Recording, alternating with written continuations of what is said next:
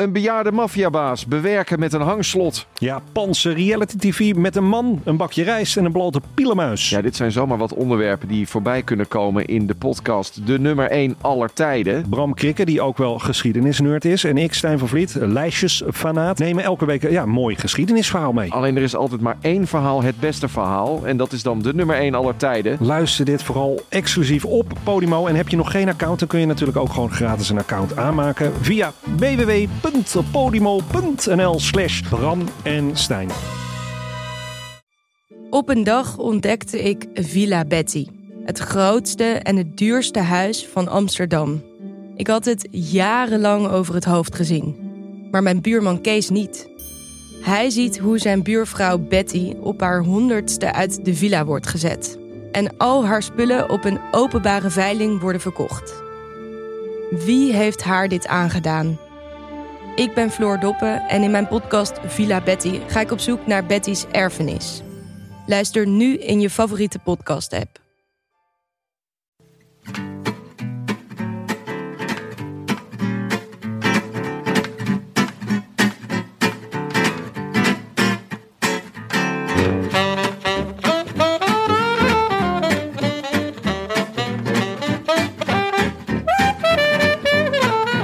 Het is vrijdag 22 december 2023 en live vanuit Casa di Tankink is dit de Rode Lantaarn.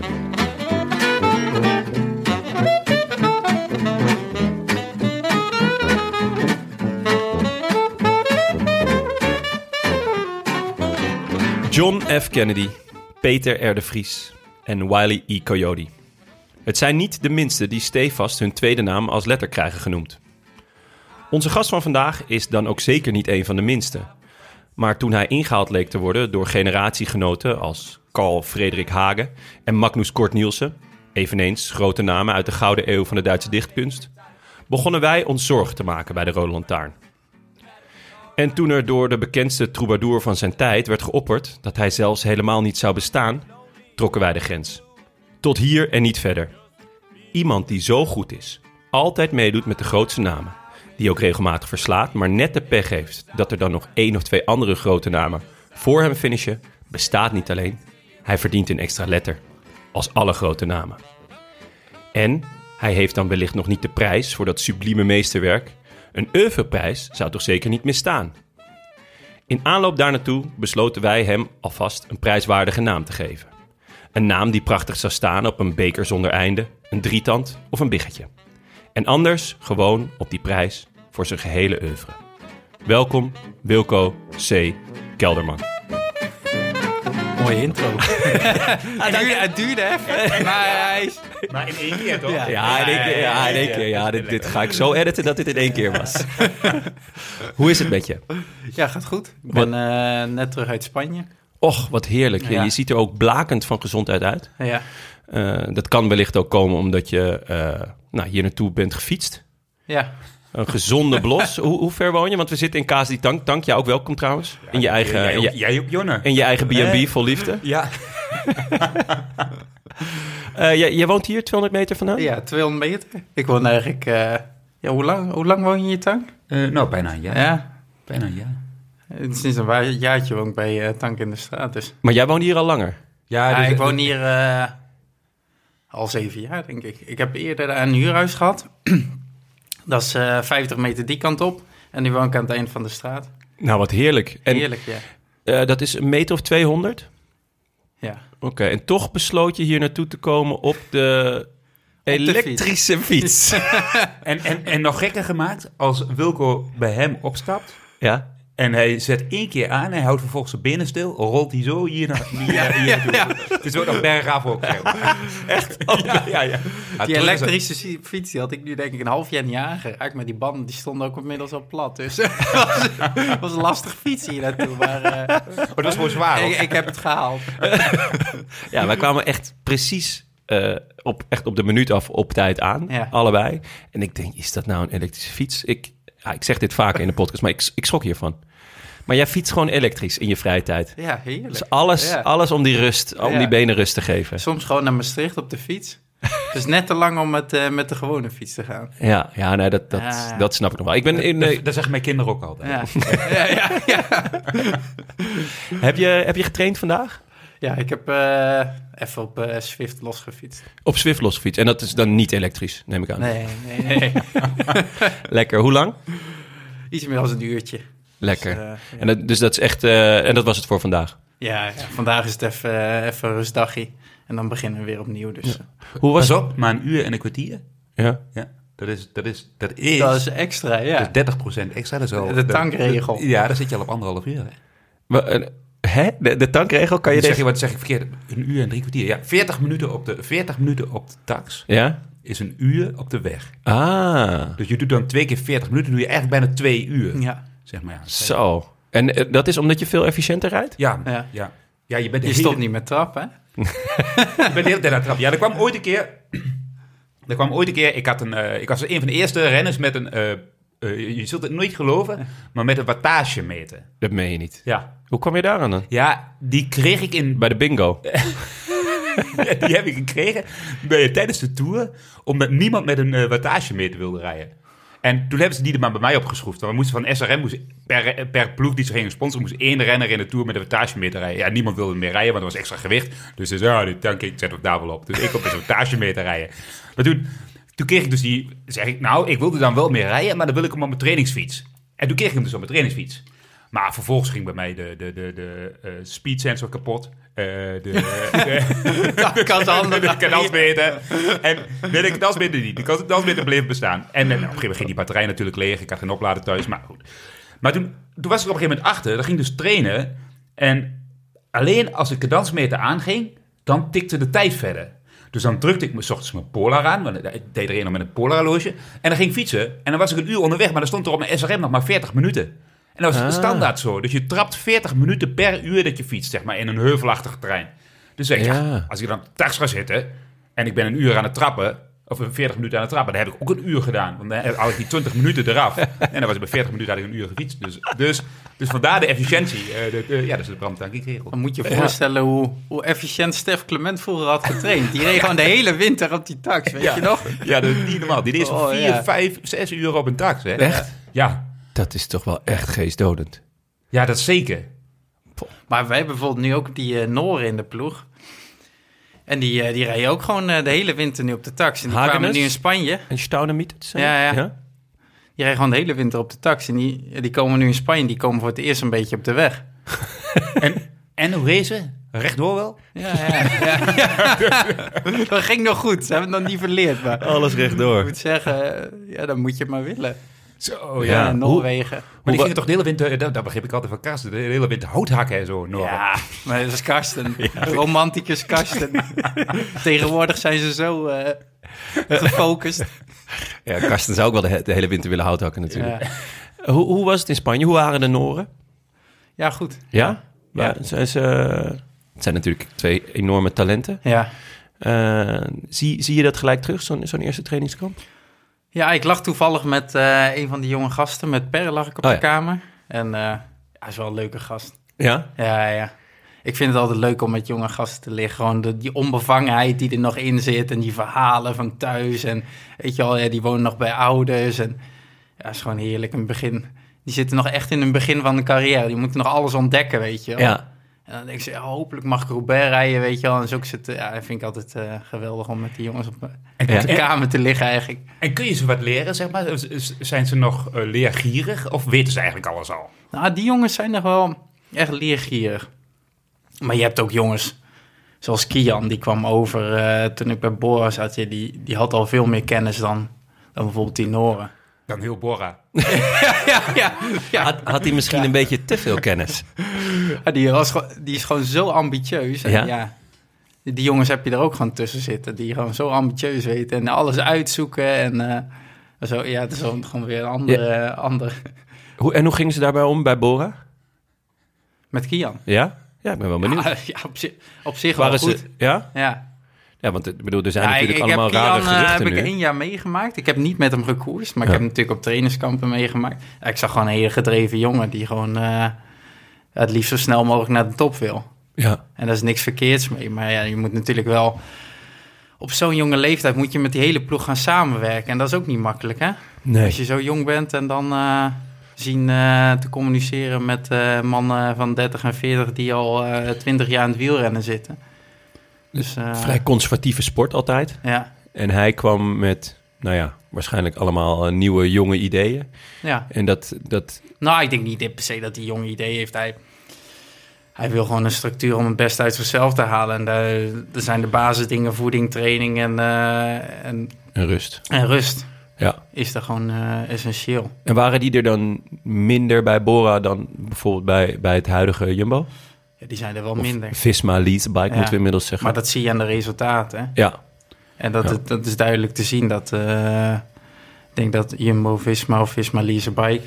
dat die gewoon eh, vooruit lopen op, eh, op, op de meeste ploegen. ja. Dus eh, in principe zou je kunnen zeggen, is Jan beter af bij, eh, bij Visma. Ik denk dat het een goede keuze is voor hem, ja. Ja. Voor zijn carrière. Ja. En gewoon puur uit nieuwsgierigheid. Kan je je voorstellen dat er een, iets van een pestcultuur heerste bij Bora? Of is dat, is dat echt nee, uitvergroot? Dat vind, ik zo, dat, vind, dat vind ik zo uitvergroot. Ja, Ehm, het was eerder een mismatch. ja, iets- weet iets- je, je hebt gewoon een hele ambitieuze jongen die, eh, die gewoon snel naar de top wil. Ja, wat is pesten, weet je wel. Onder mannen worden gewoon grapjes gemaakt en een beetje eh, gespeeld, ja. Ja, Eh, je ja, kunt begrijpen, een jongen van 18 is misschien ook nog wel redelijk, eh, hoe zeg je dat? Gewoon onzeker of... eh. Gevoelig. Ja, Ja. Nee, je snap- komt wel met mannen van eh 30, 35 die al, al jaren in het peloton zitten. En, Type Bram Tankink. ik denk niet per se dat gepest is. Ja, dat is moeilijk te zeggen. hè. Ja. Ik weet niet. niet Nee, maar Nee. Ja, dat zijn natuurlijk de geruchten die Ja. zo'n beetje doorcijpelden. Ik kon het me ook niet voorstellen. Maar ik vond Ik vond het wel... jammer om dat eh, te lezen. Ja, snap ik. Want- het, zijn Ja. natuurlijk, het is je Ja. huidige ploeg en je vorige Ja. ploeg. En natuurlijk nu een nieuwe, nieuwe ploeggenoot. Dus ik- Ja. ik, vandaar dat ik was, benieuwd was. Hoe... eh, Ja, we- daar wil ik wel even op inhaken. Is, Ja. het, het is als, als, al- hè, het is, het is nog altijd is het wielrennen best wel een hiërarchische structuur. Ja. En daar hebben wij bij, hebben we eigenlijk bij Belkin hebben we daar wel echt een punt van gemaakt. Op een gegeven moment met Ja, de Jumbo ja. bent, weet je nog? Ja. Dat we een keer met z'n allen samen hebben gezeten onder leiding van Marijn. Ja. En dan moesten we zeggen, oké, we gaan hier die hiërarchie gaan we hier helemaal uithalen. Ja. Dus we moeten alles kunnen zeggen tegen elkaar wat, wat, Mhm. wat je te zeggen hebt. Dus Ja. begin maar. Ja, toen begon Victor Kampenaars tegen, tegen Robert Geesink. Weet je nog? Nou, maar ik was toen denk ik al weg. Oh, is dat was weg? denk ik het jaar dat ik weg was. Maar Nee, ja, nu je- je het zegt, als ik, toen ik prof werd bijvoorbeeld, toen voelde ik ook nog hele erge hiërarchie. Ja, toen voelde ik me ook... Ik zei denk ik niet veel, ik probeerde te volgen en eh, ik probeerde vooral de, de verdettes niet eh, tot last te zijn, zeg Ja. maar. Ja, dat, dat was vroeger nog veel meer. Ja, en nu is dat er echt wel een beetje uit. Maar Ja. dat komt ook die jongen. Die jongens die hebben veel meer kennis. En die Ja. staan echt wel op een streep al eh, op deze leeftijd. En, Ja. maar dat is wel anders. Maar ik moet Het- zeggen, de cultuur is wel heel erg veranderd. Maar wa- waar, Maar waar, zie je dat, wel... ja, waar, waar zie je het aan? Dat die cul- cultuur verandert. In, in, in hoeverre staan ze op hun strepen? Wat, wat, is het omdat ze eerder resultaten rijden? Of is het, ja, die zijn al meer? veel verder in de ontwikkeling. Die weten al eigenlijk bijna van alles. We- Hebben ze al bijna net zoveel kennis als ons, zeg maar. Ja. Die zijn al op jonge leeftijd begeleid. eh. ja, dat, dat had ik vroeger nog niet, zeg maar. En ja, dat is heel anders. En ik moet ook zeggen, iedereen wordt gewoon gerespecteerd zoals die is tegenwoordig. En dat is ook wel goed. Iedereen wordt erop geattendeerd. En ehm, dat is ook wel fijn.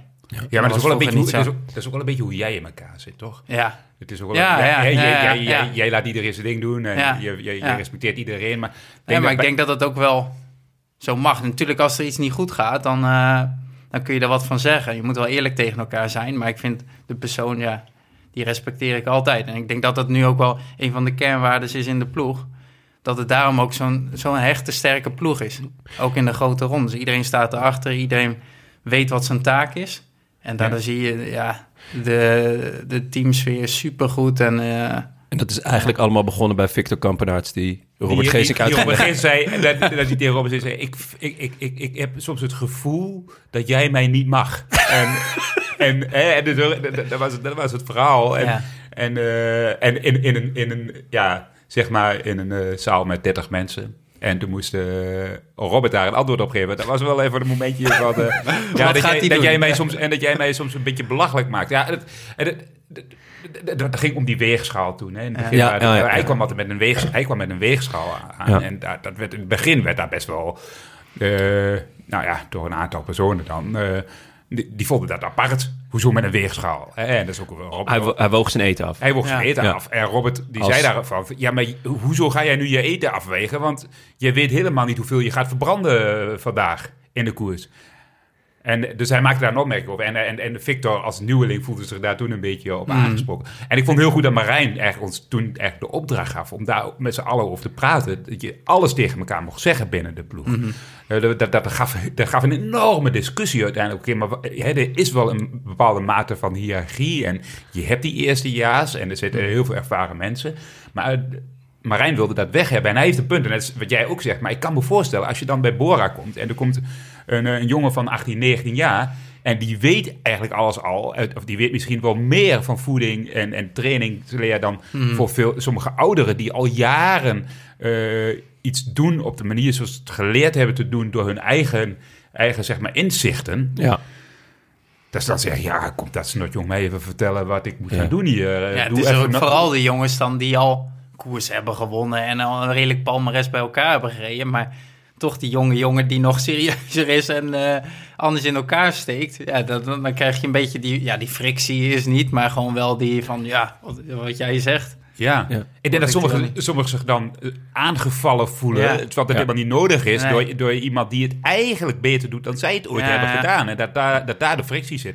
ja, dat is Maar ook eng, denk Ja, ik. Bijna wel. een soort ja. van jaloezie. Ja. Ja. Bijna zien, Ja. ja. Maar ja, dat je dan een appgroepje gaat maken zonder Kian, dat is wel het next level. Maar dat weten we niet of dat, Nee, dat, weten we dat niet of dat echt zo is geweest. Maar Ehm, hij was wel op de ploegpresentatie gisteren. ja. Jij ook. Hoe was het? Ja, dat is altijd eh, een Echt leuk, dagje hè? per jaar. Ja, Wat nou eenmaal moet. Dit jaar was ik echt eh, gewoon even, even naar voren lopen en even op de foto en dat was het. Ja. Dus dan is het ja, gewoon een dagje een beetje, een beetje zitten en een beetje wachten en dan... eh, Ik bedenk me nu ineens dat het in Amsterdam was. ja, Jij was gisteren Ja. gewoon in Amsterdam. ja. Hadden we ook prima deze podcast Ja, daarop kunnen nemen. weet je waar, weet je waar ik daar helemaal naartoe heb moeten rijden? Ja, ja. Natuurlijk, voor jou was het verschrikkelijk geweest. ja. Maar- ja, maar ik wou ook naar huis. Dus. Ja, nee. maar het altijd, eh, was een beetje een moedje natuurlijk. Ja, ja. En, eh. Maar tevreden met eh, het shirt bijvoorbeeld? Ik vond het Ja, wat, het is wel anders. Het is Ja. wat, wat feller. wat feller, hè? In het begin dacht ik van, ja, ik weet niet of ik het wel zo mooi vind. Maar ik denk dat je het als, als geheel en zichtbaarheid in het peloton Ja. wel, eh, wel beter is. Ja. Maar is het echt fel geel? Want, want het is wel foto's- feller. op- ja, Ja. want op de foto's is het heel verwarrend. Het Het, verschilde is- een het is beetje. geen fluo, maar het is wel, wel een stuk feller. Ja. Ja. en het is ook, dacht ik te zien, maar dat was lastig op die foto's die telkens een beetje anders waren qua belichting, Ja. dat het een andere kleur geel is dan de fiets. Ja, volgens mij, En dat vind ik... ja, er is, dit- dit zijn, volgens mij zijn er twee soorten geel in de fiets. Ah. Want die ringen die zijn weer anders volgens mij dan... maar Ik weet het Ja. ook niet. Eh, ja. Dat dacht ik eerst ook hoor. Ja. Dat die gele op de, op de fiets iets donkerder is. Ja, Ja, beetje jumbo-achtige. Maar maar misschien dat- dat het nog verandert. dat Best gek, of eh, Ja. nou, in ieder geval een opvallende keus om het geel. Ja. eh, en het zwart te houden. Dat is om een soort van... eh, Eigen ja, identity, eigen ja. identiteit. Ja. Dus jullie willen nu ook Yellow Bee worden genoemd. Mhm. Mooi, mooi hoe je be- dit bevestigt. Ja.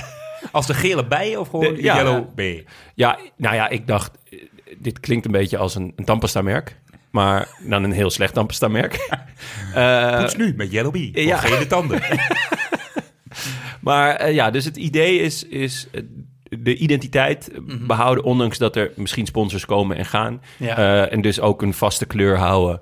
Eh, Ja. En eh, nou, maar op zich wel een Ja, geinig wel wat achter, idee. ja. Alleen de vergelijking werd getrokken met de Wolfpack. Nou, dat Mhm. gebeurt nog wel. Zo wordt het natuurlijk wel. Quickstep wordt wel de Wolfpack genoemd. Ja. Wel een iets wat gemankeerd eh, Wolfpack inmiddels, denk ik. Maar hè, an- in ieder geval anders dan een paar jaar geleden. Maar toen gaven ze bij Bora het voorbeeld van Band of Brothers. Ja, ja. Hey, noemden jullie jezelf zo toen je bij Bora zat? Of? Ja, maar niet nog. Band of Brothers. Ja. Nee. Nee, dus Dus keek altijd in de bus. nee, maar het is wel... Ik denk uit die tijd van Sagan, weet je wel, was het een beetje rockstar-achtige eh, Ja. imago natuurlijk. Met Os en eh, Sagan en eh, die mannen. ja. En, En dan was het wel meer een, een vrij buitensploeg, zeg maar. Ja, nu is het wel een stukje minder. Ik denk niet dat Vlasov en eh, die echt Brothers... eh, maar goed. ja. Leuk. Maar ja, het is wel goed om... heb, je nog, heb, heb je, nee, je hebt niet met Menschov gereden, nee. Nee, nee, nee, Nee, nee, nee, nee. Die was al een paar jaar gestopt. Die was al weg. Ja, Ik heb ook niet meer met Frère gereden. Die was Nee. ook net weg. Nee. Ja, ik zat me te denken, zo Ja. is, is, is Vlaashoff een soort Menschov, zeg maar. Zo'n niet pratende Rus, die Ja, ja. niet weet wat, wat er door hem heen gaat. Ja, wel een beetje hetzelfde. Ja. Hij praat veel met, eh, met de Italianen, maar ja, gewoon eh, hoe gaat het? Eh, een beetje het gesprek. Ja. Ah, is wel een vriendelijke jongen en zo, maar gewoon ja, de communicatie is wel wat, eh, wat lastiger. Nee, wat ik, ik heb in Rusland gewoond, ik heb het gestudeerd. In principe zijn ze niet de meest, het is niet het meest praatgrage volk. Ja, maar het leuke is, als ze vragen hoe het met je gaat, dan willen ze het ook echt weten. Maar ze stellen de vraag niet zo snel. Niet snel terug. Nee. Nou ja, ja, ja, uiteindelijk als je inderdaad wel interesse Ja. toont, dan komt het wel. Maar het, het is inderdaad, Ja. het is anders. eh, het, is, het is een stuk geslotener eh, Ja. dan wij in ieder geval. Ja, we hadden, we, hadden ooit één Rus in de ploeg gehad. Kosjanzoek. Oh, die was wel leuk. Ja. dat was echt Ja? een toffe kerel. Ja, ja, Ja, maar dat, was- dat was meer een Nederlandse Rus en die praat ook gewoon goed Ja. Nederlands. Oh, echt? Ik Ja. snap jullie niet. Jullie Nederlanders. Zo'n mooi accent. Altijd stress. Jullie hebben altijd stress. Ga je 's ochtends naar school stress, 's ochtends naar naar het werk stress, tussen de middag stress, na het werk stress, nou we kinderen van school halen stress, altijd stress. In de koers ook stress. Een beetje Frans-Marokkaans accent had Ja, hij. ja, echt echt mooi. Echt, fantastisch, jongen. Hij had wel stijl altijd. Ja. Oh, wat goed. Ehm, Ja. Wilco, we gaan, je, we gaan je zo meteen helemaal doorzagen. Eh, maar eerst dan gaan we natuurlijk naar een woordje van onze sponsor. En wat denk je dat het is? Nou, ja, ik... eh, nee, Noord. VPN. NoordVPN. NoordVPN. Inderdaad. Jij bent net in Spanje geweest. Heb je een VPN'tje? Nee. Weet je wat een VPN is? Ja. Dat je gewoon kan doen... Je bent in het buitenland alleen in eh, China of zo. voor, voor veiligheidsredenen. Ja, dat, dat snap ik ja, heel maar dan kun je ook bijna niks kijken hè, buiten de EU. Nee, maar je hebt prachtige eh, Chinese series natuurlijk. Hè, die, allemaal, eh, die, die kan je, op dat moment kan je die bingen. Dat, eh, ja, eh, carpe diem, dan pluk die dag, weet je. Of als je er helemaal in zit in China, je bent er een week geweest en je zit net in een Chinese serie en Ja. je komt weer terug in Nederland. En Ja. shit, hoe moet ik nou die Je Chinese serie gaan je kijken? toch gewoon dat laatste, die laatste klapper van een episode wil je nog meepakken. Ja. En dat kan dus gewoon eh, met NoordVPN. 500 servers wereldwijd, onbeperkte websurfsite mogelijkheden. Tank, wat, wat willen mensen nog meer, toch?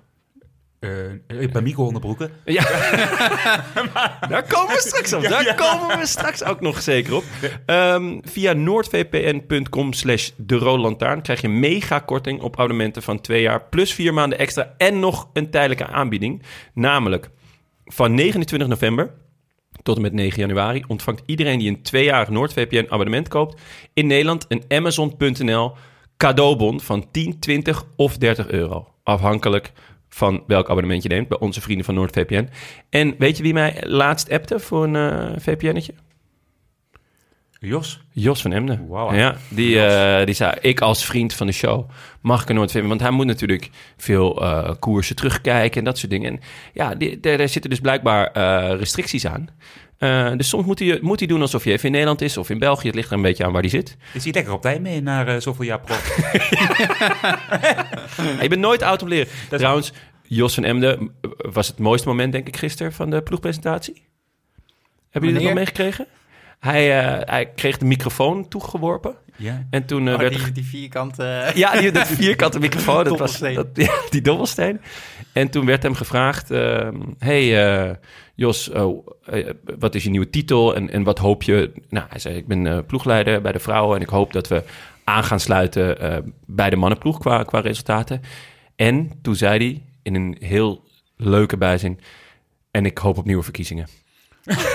Toch even, Zei je dat? Ja, toch even een politiek statement. Ah, dat is Dat is Jos. Dat, is Jos. Dus, eh, nou ja, goed. Eh, snel naar noordvpn.com slash de rode lantaarn. Eh, en dan, de, we, gaan, we beginnen eh, de, de specials eigenlijk altijd met de rubriek VI persoonlijk. Uit de Voetbal International, grote rijkwijde. Ehm, nummer 1 tot met 10 staan voor om je wat beter te leren kennen. Eh, dus noem een nummer en eh, sla je slag. Doe maar nummer 9. Wow, dat is gelijk een klapper. Hoogtepunt. Wat is je hoogtepunt? Zowel mag op de fiets als naast de fiets. Je mag allebei benoemen. Ik, ben, wil in ieder geval weten wat het op de fiets is. Eh, podium en Giro. Podium Giro. Ja. Oké. En waarom? Ja, toch wel eh, speciaal om eh podium te rijden in een grote ronde. Ja. Ja, het was, als je erop terugkijkt, was het wel een beetje een dubbel gevoel. Maar Dat ja, gewoon wel het grootste resultaat uit mijn carrière. En dan kijk ik nog steeds met, eh, ja, mooi gevoel op terug. Ja, ik, wa ik was daar heel erg benieuwd naar. Eh, dus ik vind het ook eh, wel leuk dat we er gelijk induiken. Ehm want ik was ook aan het nadenken van... Goh, wat, wat is nou jouw hoogtepunt? De- Ja. de- ja, je bent zo ongelooflijk stabiel in je resultaten. Eh, nou ja, top 5 in alle drie de grote Eh, rondes. ik al zo, die Ja. lijstjes zie ik zo waar ja, voorbij die zie je heel vaak voorbij komen. Dus dat hoeven we allemaal niet te bespreken. Ik hoorde, ik hoorde laatst ook Maar inderdaad... deze Giro was... Ja, je had hem ook kunnen winnen, Ja. toch? Ja. Ja. Maar ja, Ja, ik heb, bekijk het altijd zo. Dat laatste weekend was ik gewoon niet goed genoeg. ja. En waren die anderen gewoon beter. Ja, dan, wielrennen is een eerlijke sport. Ja. Maar als je, het, als je het bekijkt van... Ja, stel dat je hele ploeg achter je hebt... dan kun je wel die, die Giro winnen. Maar dat was niet zo. nee. Dus, maar... Hoe- ja, hoe was de- Weet je, ik moet zeggen... Het was ook... eh, ik heb er niet zo van genoten uiteindelijk, weet je wel. Het was een beetje een rare sfeer. We waren natuurlijk beide op het podium. Maar iedereen wist gewoon dat meer bent- in gezeten. De communicatie was niet goed. Dus ja, hij ging gewoon met een heel dubbel gevoel naar huis. Het werd, werd ook niet uitgesproken. En eh, achteraf, ja, was ik er ook... eh, ik was niet pist, maar het heeft wel echt lang in mijn hoofd gezeten. Dat ik echt gewoon eh, echt nog een week erover heb gedroomd. En zo echt Ja? Ja, dat kan, me Heel dat kan ja, kan ik me voorstellen. Het eh, voorstellen. was ook het einde van het seizoen, dus was ook de laatste wedstrijd. Maar was, eh, Je ging ook weg daarna, ja, volgens mij. ja, Ehm, wi- nou ja, dan even terug. Eh, je, je reed eigenlijk 2,5 week fantastisch. ja, Je was aan het strijden met, eigenlijk met Joao Almeida voor de, Ja. voor de roze trui lang. Eh, Hindley en Gegan Hart zaten lange tijd nog op een minuut of drie. ja. En die pakken, volgens mij in etappe 18, Ik denk dat ze pakken, ja, de, de rit van de Stelvio pakt ze 2,5 minuut ja, of zo. Ja, komen ze ja. ineens heel dichtbij. En zijn Ja. er twee, twee, nieuwe, twee nieuwe honden in het kegelspel. Almeida valt weg. Maar ja, Jai Hindley, Ja, dat was het voordeel, was jouw ploeggenoot. ja. Maar dat bleek niet helemaal een voordeel. Nou ja, we, we speelden tijd op twee tactieken. Er was niet Ja. echt per se eh, iemand ehm, die we uitspeelden. Dus we werden eigenlijk op twee paarden. Maar uiteindelijk hebben we het ook niet, niet duidelijk uitgespeeld. Nee, Dat, dat- was, ja, dat was zonde eigenlijk. En dat is toch heel raar ja. vanuit de, DSM-gedachte... die echt op een jaar op voorhand al zeggen... in die koers gaan we voor die persoon. Ja, ja, maar ja, als het er uiterlijk toe doet en niemand verwacht dat je daar voor de eindzege strijdt. Ja, hun zijn ook geen... eh, ja, zijn ook niet zo uitgeschreven, zeg maar, dat ze zeggen van... ja, we doen het zo en zo en... eh wat was en dat we dit de... scenario denk ik ook niet aan zien komen. Maar wa- wat was de... Wie was de kopman vooraf? Ja, ik was kopman, Ja? alleen Jai kreeg wel een vrije rol. Oké. Maar die, ze hadden natuurlijk nooit verwacht dat Jai eh, ja, zo goed was, die Giro. Hij, daarvoor had hij wel resultaten gereden, maar niet echt dat je denkt van... nou, die gaat meedoen voor, eh, voor de overwinning in de Giro. Dus dat hadden ze zeker niet verwacht. Dus dan, ja, dat scenario hadden ze nooit, eh, nooit in hun hoofd gehad. En toen het scenario zich toch zo ontwikkelde... ehm, wat was de, de bespreking, zeg maar, toen, ze, toen, toen zowel Hart als Hindley dichterbij kwamen? Wat was, hoe was de bespreking toen in de bus?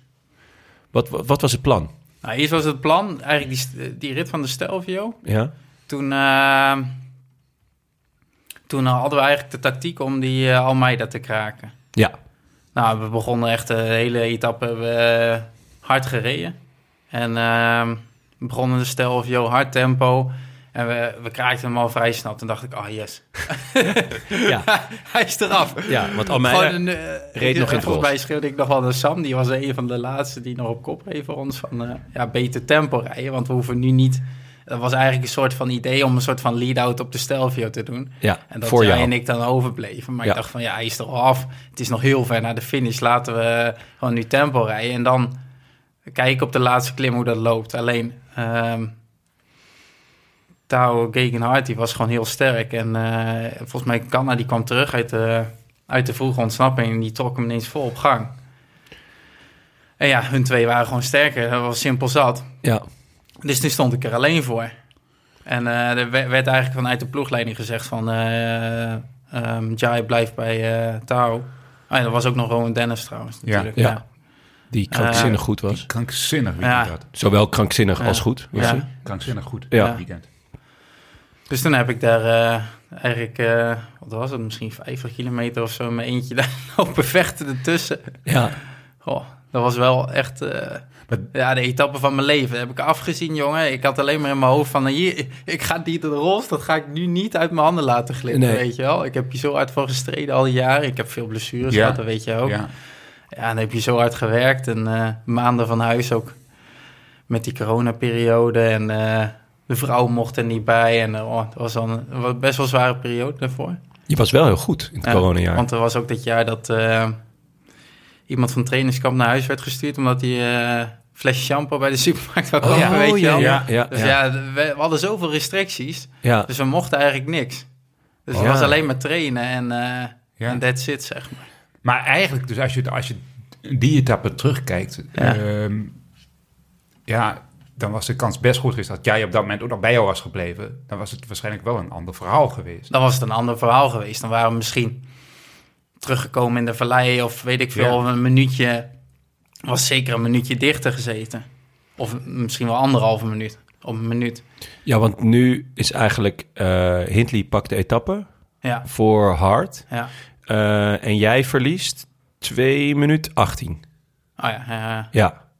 Dus, en, en daardoor komen zij eigenlijk allebei ineens... op 30 seconden of zo was het volgens mij. Want toen pakte ook nog bonies. Ja, nee, ze, eh, Hindley komt op 12 seconden en Hart komt op 15 seconden. Ah, oké. Dan Dus- minder zelfs. Ja, da- daardoor werd het ineens veel spannender dan het... Mm.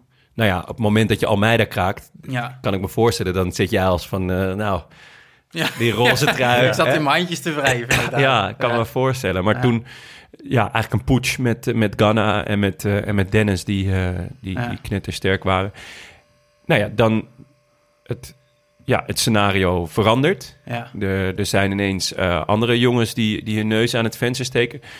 Wat, wat werd er na afloop gezegd in, in, in de bus tegen jou? Ja, we hebben niet echt veel gesproken daarover.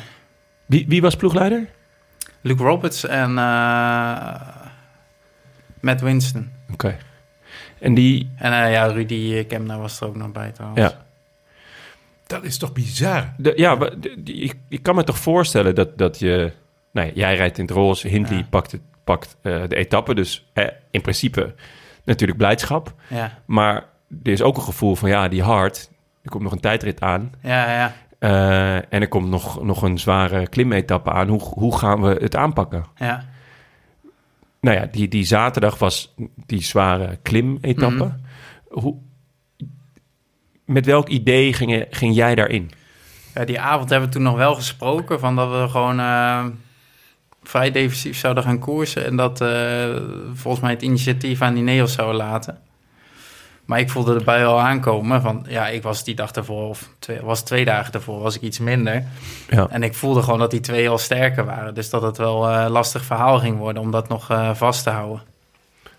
En eh, ja, wat toen deed je precies gewoon eh lead-out, volle bak op de ene laatste klim eh, te lossen. En dat lukte dan uiteindelijk. En ja, en dat, ja eigenlijk wa- het was al eigenlijk verloren voor mij op die Stelvio. Ja. Ja, Dus eh, ja, daar hadden we het gewoon aan, aan, aan moeten pakken.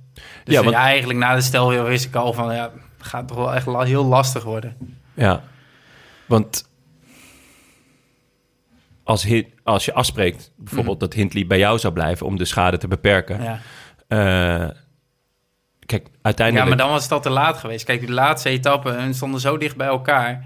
Als hij dan op mij wacht, dan verlies je sowieso... Of verlies je sowieso de Giro. Maar die kans is dan veel groter dan dat hij bij hem bleef... en probeerde hem aan te vallen. En dat Ja. was uiteindelijk wat ze gedaan hebben. Maar ja, dat was ook te laat. Want uiteindelijk eh, ja, heeft hij hem er ook niet eraf kunnen rijden. Dus uiteindelijk was het gewoon eh ja, het 2 was, en 3. het was vlees nog vis. Ja. Want ja, dat Hindley eraf gereden zou worden door Hart in de tijdrit. Ja, die, die kans was ook wel heel groot. Dus het was een soort van niet kiezen. Wat een, om maar nou ja, een soort van uitstel van executie te, te bewerkstelligen. Zo Ja, voelde het. Ja, ja. Maar toch is het eh, inmiddels, eh, nou, we zijn een paar jaar verder, ja. is het je hoogtepunt. Ja.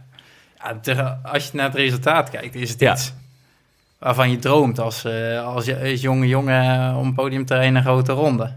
Maar toch had het een dubbel gevoel. Ja. Het was ook coronajaar. Je staat er op het podium. Het was, het was echt een rare sfeer. Ik heb ook geen, eh, geen felicitatie van Iwan gehad of zo. En die was er ook. Ja, het was gewoon allemaal heel, heel raar gevoel. Ja, ik weet niet. Ik heb ook niet echt kunnen genieten van... eh, Dat is toch, je wordt 2 Ja. 3 in een grote ronde. En Ja. er is ook niet eens even een... Oh, Wilco, eh, ja, ja, top even een gedaan. Maar dat, Ja, dat... Weet je? dat is toch Dat, dat, gewoon niks. Gewoon van nou... eh, Ja, ik heb niet echt... Nee. Gewoon, hup, naar de, naar de huldiging, hup, naar huis, vliegtuig in. Nee, nee, we hebben wel een beetje gevierd met pizza en zo. Maar het was gewoon een beetje een rare, rare sfeer. En ik denk dat iedereen dat een beetje aanvoelde. Van ja, het was niet helemaal zo gelopen zoals iedereen het wou. Eh, onder de rennersgroep waren er ook jongens die, die een beetje bedenking hadden van ja, wa- wat is nou, wat is nou het plan, het doel, zeg maar. Ja. Dus het was eh, heel raar. Maar uiteindelijk ben ik wel blij dat ik eh, uiteindelijk nog met Jai gekoerst heb. En dat we het eh, twee jaar later wel, wel weer hebben gedaan eh, samen. Ja, zeg maar. En ja. heeft hij hem wel gewonnen. ja. Ja. Dus dat was wel... eh, ja, want naar hem heb je... Is no hard feelings Nee, nee ik nooit. vind echt een superleuke kerel. En ik- Ja. Kijk, als ik in zijn schoenen sta... Hij was... Wat was die? 5, 26. Ja, hij had de kans van zijn leven om een Giro-rit te winnen. Al- al- Als ik in zijn schoenen zou staan en hij zou op mij moeten wachten... Ja, dat zou ik ook niet leuk vinden. Dus ik kan hem niks kwalijk nemen. Ja, nou ja, behalve, opleiding... dat, behalve dat jij kopman was natuurlijk. Ja, maar we- En- ja, en, hij ja, heeft gewoon een vrije het- het rol. roze ja. voor het Ja, grijpen. Ja, Nathan van Hooydonk had op jou gewacht, hoor. Die, eh, En die had waarschijnlijk ook nog zijn jas gegeven. Ja, ja. ja. Ja. maar eh, ik ben benieuwd. wa- Want ehm, je zegt het gevoel is dubbel. ja, Maar op een gegeven moment denk ik, na een paar jaar, ja. slaat het gevoel om. Want het is, het is je hoogtepunt. Dus je Ja. kijkt er toch met, ja, ja. met veel... eh, nou ja, ik zie het ook aan je. Ja, eh, veel trots. Ja. ja. veel trots en blijdschap op Ja. terug. Wa- wanneer is het gevoel gekanteld? Hoe lang heeft Ah, dat dat gevoel geduurd? was er altijd al wel. Ja, Ja? ja, Het zit nog steeds gewoon zo. De herinneringen zijn nog steeds zoals ik het nu vertel, zeg maar. ja. Dus dat blijft hetzelfde. Maar toch is het gewoon. eh, ja, gewoon de mooiste. Ja, ik had ook gewoon de beste vorm van mijn leven. Ja, eigenlijk. dat wou ik ook nog vragen. echt waardes van eh, op sommige klimmen wat niet normaal was, zeg maar. Dus eh, Je was toen op je, op je allerbest. ja. Het is natuurlijk ook wel zo met alle pech die je gekend hebt de afgelopen Ja. eh, jaren. Is dat, is, je kun je ook met recht spreken van een hoogtepunt. Ja, ja. Ja.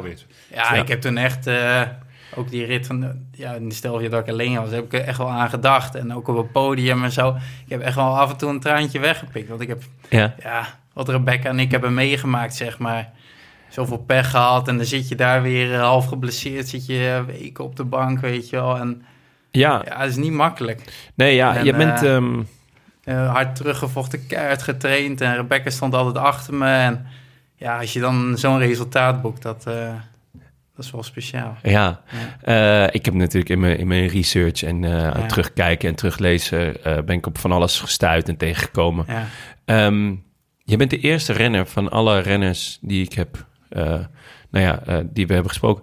eh, die op wielerflits een overzicht heeft van al je tegenslagen.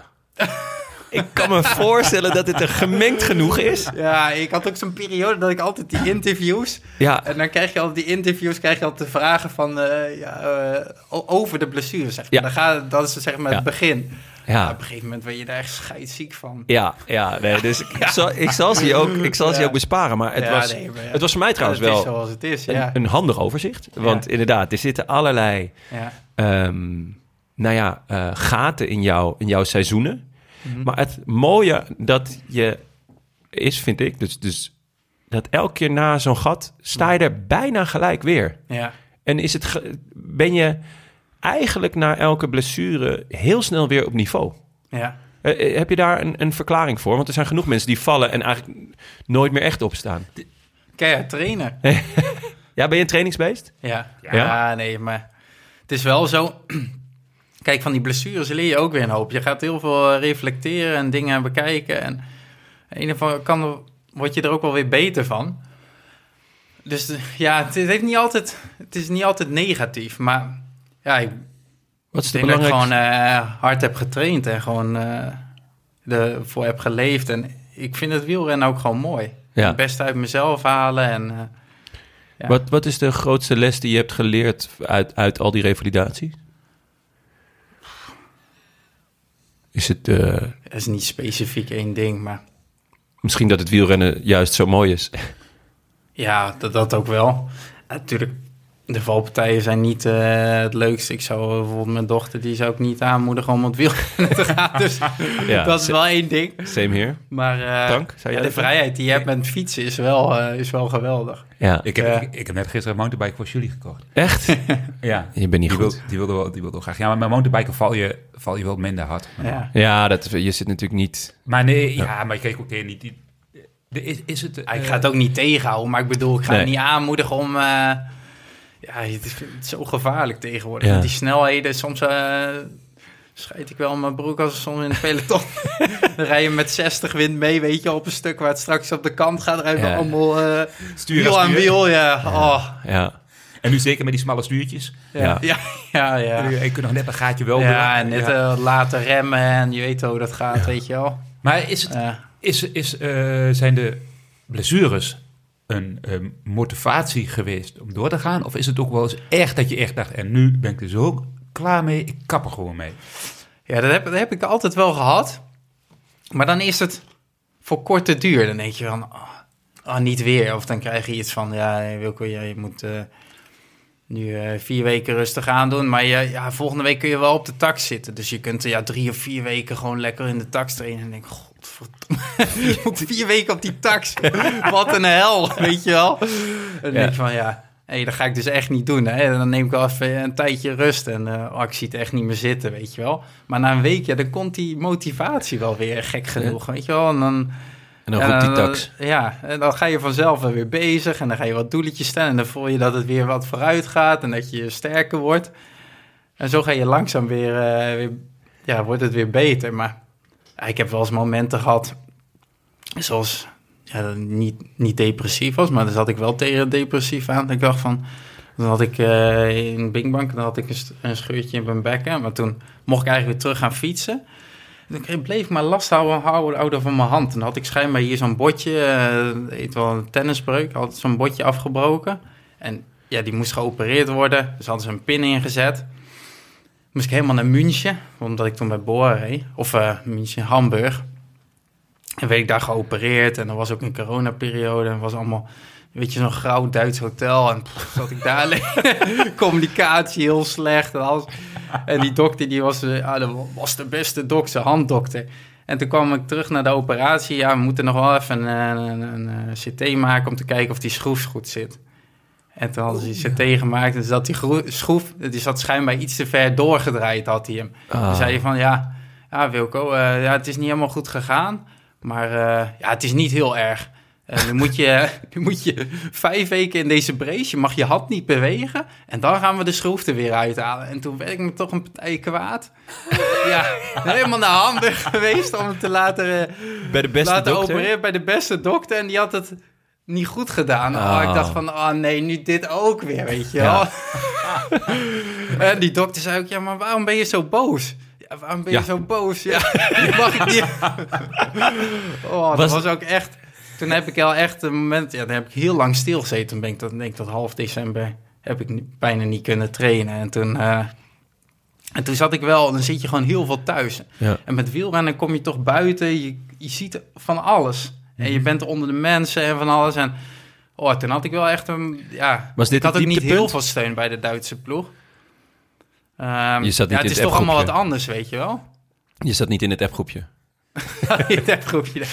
Nee, Nee, maar, wa- Maar- was, dit, was dit het dieptepunt? Ja, gewoon... Ja, het, ja, het- het ja. kan natuurlijk... metaal, ja. eh, het kan natuurlijk, zeker als je geblesseerd bent, heel eenzaam zijn. Ja, Klopt, het? toen heb je mij nog gebeld, denk ik, of niet? Eh, voor, want ik ben toen ook een keer geopereerd aan mijn hand. Of, ja eh, weet ik niet. Nee, nee, nee. Oké, Eh, maar ik weet dat, dat ik jou toen af en toe wel bij school tegenkwam. ja. Dat, En Vera, ja, daar probeerde ik me een beetje positiever van te maken. Maar oh, Dat- de klote periodes zijn dat dan. Ja. Ja. ja, joh, als, je, als je inderdaad vijf weken... En dat is Ja. afstand weg, man. Hoezo ben je zo kwaad? Ja. Ja, Vijf weken. Je, vijf je weken in zo'n brace en dat Ja. je niks mag. Wat denk je zelf? Uiteindelijk ben ik nog een paar keer naar Nederland geweest voor een second opinion. En toen bleek dat de schroef wel goed zat.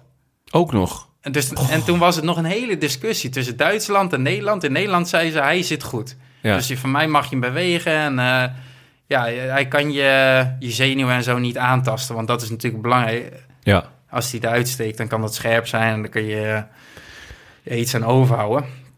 Maar dat was uiteindelijk niet zo. En toen heb ik erop gegokt dat de Nederlanders het gelijk Toen ben ik weer gaan bewegen. En nu zit hij er eigenlijk gewoon in. En ik kan alles. Dus, Je- eh, de Oh, is, is het helemaal niet uitgehaald? nee. Hij zit er nog Want- steeds want in. die, want die dokter in België, die zei van ja, hij zit ook In veel België te of, diep. in België of Nederland? Ja, België. Nee. Ik ben Ja. in België geweest en in Nederland. dat ik vertrouwd had. Ja. Ja. zei, ja, we kunnen het niet helemaal niet uithalen. Hij zit zo diep.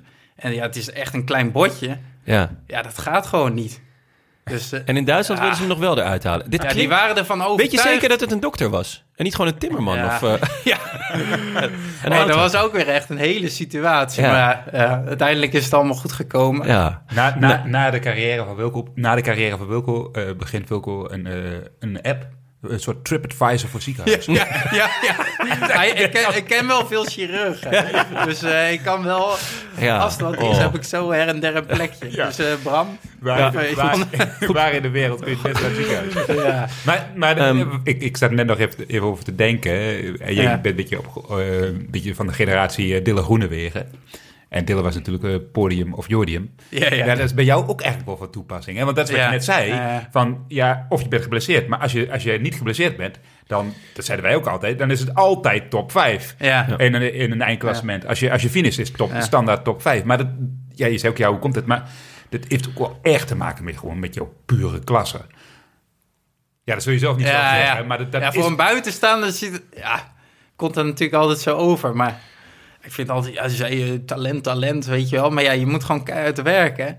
En eh, het is niet zo dat, het, dat ik allemaal pijnvrij zo even eh, erheen fladder, zeg maar, naar die... eh, ik heb zoveel bloed, zweet en tranen gehad om dat niveau weer te bereiken. Ja. Hoeveel pijn ik heb geleden om weer eh, op niveau te komen, zeg maar. Ja, dat, dat zien heel veel mensen niet. Nee.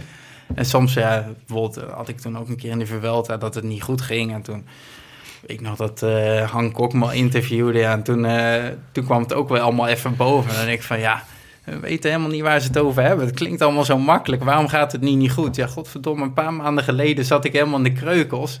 En dan moet je weer helemaal op het niveau komen. Ja, is dat zo makkelijk? Nee. Ja. Is Maar het- niemand die dat zo makkelijk snapt, weet je wel. De Ja. buitenstander, die ziet dan, die ziet dan Wilco Kelderman in koers en die weet niet wat, eh, wat verhaal ervoor is. Maar ik ben ook niet iemand van social media die de hele story erop zet of zo, weet je wel. Ik ben niet iemand die naar de buitenwereld zoekt van, eh, oh, hoe zielig ben ik, weet je wel. Eh, ja, Maar, daar heb ik helemaal geen zin in, zelfmedelijden of zo. Dus maar plus dat je gezicht, plus dat je gezicht zeg maar, aan het begin van de koers hetzelfde is als op het moment dat je gelost wordt. ja, Ja, dat zeggen ze ook wel je kunt bij Wilco echt nooit over je Nee. pijn leiden. Dat is- Maar Rebecca zegt wel altijd, dat Ja? ik, eh, ja, dan ga ik toch anders op de fiets zitten. Die weet dat. Ehm, even, even, we hebben hoogtepunt, dieptepunt gehad, maar even naar dat woordje talent. Ja. Eh, want ik, ik heb ook wel wat gelezen. Je, je, Ja. nou, bij Hancock ben je er ook wel eens op, op aangeslagen, nu ook weer.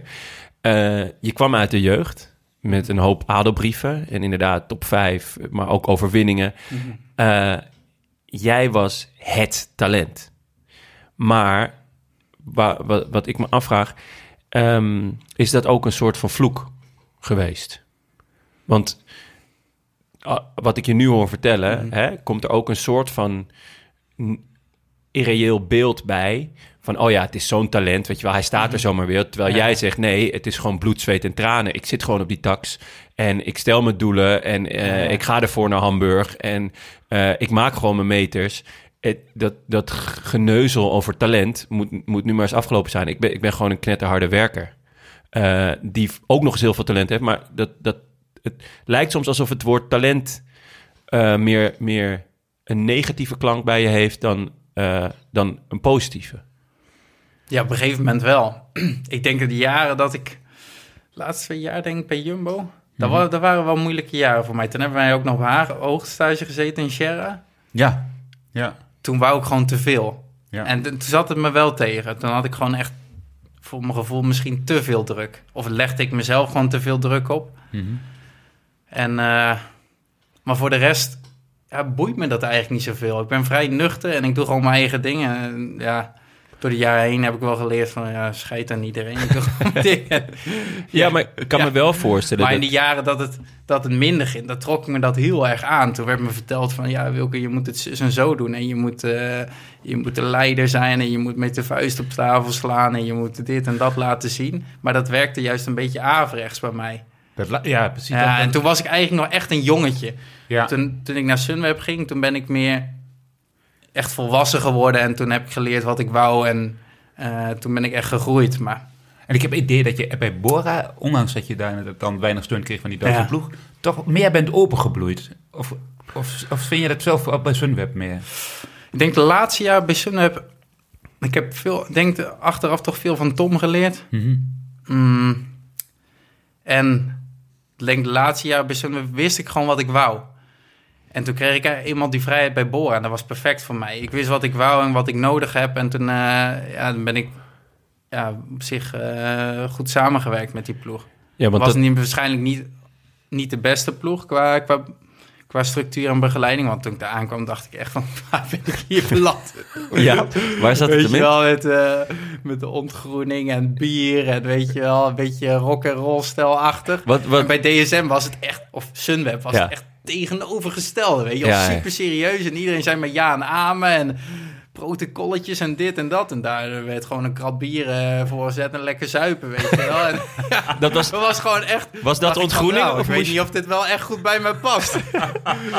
nou ja, ja. Nou, we zijn één keer bij, bij jou met een kratje bier aangekomen. Die was Ja. aan het eind vanavond toch wel op. eh, Ja, ja, ja. Na de Giro. ja? Ja, dat, dat was toen... Ja. Daar had het net nog over, maar dat wil ik nog zeggen. Maar de, dat, wat je zelf zei, van, ja, dat was een heel rare sfeer. Ja. En wij dachten ook, ja, Wilco gaat straks thuiskomen. Die heeft geen veerstraat, die is derde geworden in de Ja. Eh, in de Ja, dat was corona, ja. En wie is wij? Wie is wij? Eh, we zijn met... eh Karsten, jij Karsten, en Tom. eh, Tom, Jos. Oh, Jos ook nog, ja? Uh, Laurens was er, Nee, nee. Was er niet bij. Nee, Nee. maar toen zeiden wij van, ja, eh, Wilco komt straks thuis. En er is helemaal niemand. Eh, Ja. Volgens mij niet, eh, mocht je ook helemaal niet me- meer dan Nee, vijf mensen bij elkaar komen. Maar eh, toen zeiden we, we gaan er toch gewoon even heen. En we nemen ons bier wel zelf wel mee, want die heeft ook waarschijnlijk niet thuis. En bier thuis. Ja. Oh, wat goed. En alleen Rebecca wist Ja. het. Daar hadden we Rebecca gevraagd. Ja, of je ja. dat, Maar, ehm, nou ja, we, we- we- je had net over laatste jaar Sunweb, dat is eh 2020, Ja. coronajaar. Eh, maar was voor jou gek genoeg een jaar zonder fysieke ellende in ieder geval. Ehm, krankzinnig goed jaar. Zesde in de Provence, zesde in UAE, zevende in Polen, vierde in de Tirreno en dan die Giro. Mhm. Eh, je had het net over Sunweb, protocollen. Mhm. ehm, je bent er volwassen geworden na, Ja. na Jumbo. Ehm, het regime was heel strikt. Mhm. Dan ga je naar Boor. Je zegt, ik ben, was verrast van, wow, wat is dit allemaal? Ja. Maar het voordeel was natuurlijk wel dat je wist wat je wou. Mhm. Eh, en je kwam van die extreme eh, eh, cultuur van Sunweb eigenlijk, du- dus met, qua structuur. En dan kom, Mhm. is het misschien ook wel lekker toch om juist, als je al zelf weet wat je wil, om dan in een, in een vrije, vrije beetje rock-and-roll ploeg als Bora te komen. Ja, dat was de perfecte stap voor mij. Ja, En hij kende al wel wat mensen, zoals Hendrik Werner, is daar trainer. oh, ja, ja. Die spreekt ook Nederlands, die ken ik eigenlijk wel goed. Een beetje Die we- filosofische ja, trainer, ja, toch? echt een hele mooie Ja. kerel. Ja. Ja, ja, ja. Eh, dus ja, daar ging ik dan mee samenwerken. En ik, ik wist al dat er zitten echt wel hele goede mensen hoor daar. Ehm, dus ik wist wel ongeveer wat ik kon verwachten. Maar er zit ook een hele kern met Sagan, weet je wel. En eh, de Akkerman, een beetje van die Duitsers, weet je wel. Die, dat was, was allemaal meer een beetje losbollig, hè. Ja. Dus dat was heel anders. Dus eh, Met, met, ja, maar het was, was wel perfect voor mij. Want ik, ik was dat echt helemaal klaar mee met, eh, toen met Sunweb. Eh, als jonge renner zit je daar perfect hoor. Omdat Ja. je gewoon alles leert. En, eh, maar als je eenmaal een, een renner, een kopman bent die weet wat hij wil... dan is dat heel moeilijk. Je kunt niet echt je input zomaar, ja, zomaar daar geven en dat ze dat gaan volgen. Dus dan wordt het gewoon heel lastig. En ja, toen was het Bora gewoon perfect. Ja, het keurslijf bij Sunweb is natuurlijk extreem strak. Eh, Bora kwam, met welk verhaal kwamen zij? Wat zeiden zij om jou binnen te halen? Ja, zij zagen eh, in mij een, eh, een renner die podium kon rijden in een grote ronde. En dat waren, daar waren nog gesprekken, er waren nog gesprekken eigenlijk voor die Giro. En dat was ook wel een openbaring voor mij. Want hun keken naar de wattage en zeiden, ja, dat, dat moet je wel kunnen. En dat was ook een openbaring om het geloof dat ik het wel kon eigenlijk. Had ook je- voor die tijd al. Had je zelf dat geloof dan niet? Nee, dat geloof heb ik nooit echt gehad eigenlijk. Dus nee, nee. Je, je hebt nooit geloofd in een podium eh, van een grote ronde? Nee, ja, nee. Ook niet hoe je overkwam? Dat je... Ja, toen wel, toen wel. Toen je Op een overkwam van, moment, van, vanuit de mijn- jeugd. In mijn eerste jaar je? werd ik Ja. eh, volgens mij, wat was het, zesde of zevende in Dauphiné tussen Wiggins. Ik denk dat Sky die reed 1, 2, 3. Ja, Allemaal op het podium. Ja, toen, eh, toen dacht ik wel, ik ga, eh, ik ga later de Tour winnen of zo. Dan denk je dan, weet Ja. je wel, op zo'n Ja. leeftijd. Maar ja, dat is niet 1, 2, 3 natuurlijk. Dan kom je van alles tegen, je wordt beter, je wordt beter. En dan, en dan stagneer je, dan ga je over de grens. Ik ging over de grens met, eh, met voeding, met alles. Wanneer was dit? dan, eh, dat was denk ik... eh 2015 en 2016 waren mijn Je- moeilijke jaren. Je laatste twee jaren bij Ja. Lotto Ja, en El ja, Jumbo. ja, ja. Waar, waar, waar ging je over de grens? In, waar merkte je dat aan? Te veel trainen, ehm, voeding. Toen, toen gingen we ook heel vaak nuchter trainen en dat Ja. soort dingen, weet je wel. Dat Je, ja, je hebt gewoon heel veel roofbouw op het lichaam. Dat, dat, ja, daar heb ik al heel vaak over gehad. Ja. Dat heb ik echt nooit begrepen. Dat Nee. dat, eh, Als je nu terugkijkt, dat is echt het tegenovergestelde van de filosofie zoals we nu trainen. Dus Ja. dat is echt... Nog één keer voor de, voor de leek. Wat is nuchter trainen? nuchter trainen is dus ehm, eigenlijk geen koolhydraten eten voor en tijdens training om Ja. je vetsysteem te stimuleren, hè, je vetverbranding te stimuleren. En dat hebben ze gedaan een periode bij alle renners. Hè. Je, Mhm. je hebt echt twee typen renners en je hebt de vetverbranders en je hebt de koolhydraatverbranders. En ze deden dat zowel bij de vetverbranders als bij de koolhydraatverbranders. En de koolhydraatverbranders die brand je helemaal op dan, want die, Mhm. die hebben koolhydraten nodig om te kunnen fietsen. En ook bij de vetverbranders, dat doet, dat doet gewoon iets met je, ja, met je, met, met je hormoonhuishouding. Ja, ja, hè. En ja. dat- Eh, welke types is welke? Eh, vaak zijn de klimmers en klasmensrenners zijn over het algemeen vetverbranders. En, Ah, en sprinters en eh, klassieke Ja. renners zijn meer koolhydraatverbranders. Ah, ja. Hè, die, kunnen een korte, ja. die doen een korte inspanning van een minuut, eh, 5, Mhm. 6, 700 watt. En, en, en een klimmer die moet geleidelijk heel lang op, een, op, op het FTP rijden. eh, Ja, ik zat er denk ik een beetje tussenin. Als je Laurens Mhm. kijkt, dat was echt een typische vetverbrander. Maar ik Ja. was ook vrij explosief Ja. in korte inspanningen. Maar ja, ja dat was gewoon echt niet goed. Nee. Nee. gewoon heel veel roofbouw op het lichaam. En dan, eh, dan ga je niet vooruit. In ieder geval, dat kan ik je wel vertellen. Ja.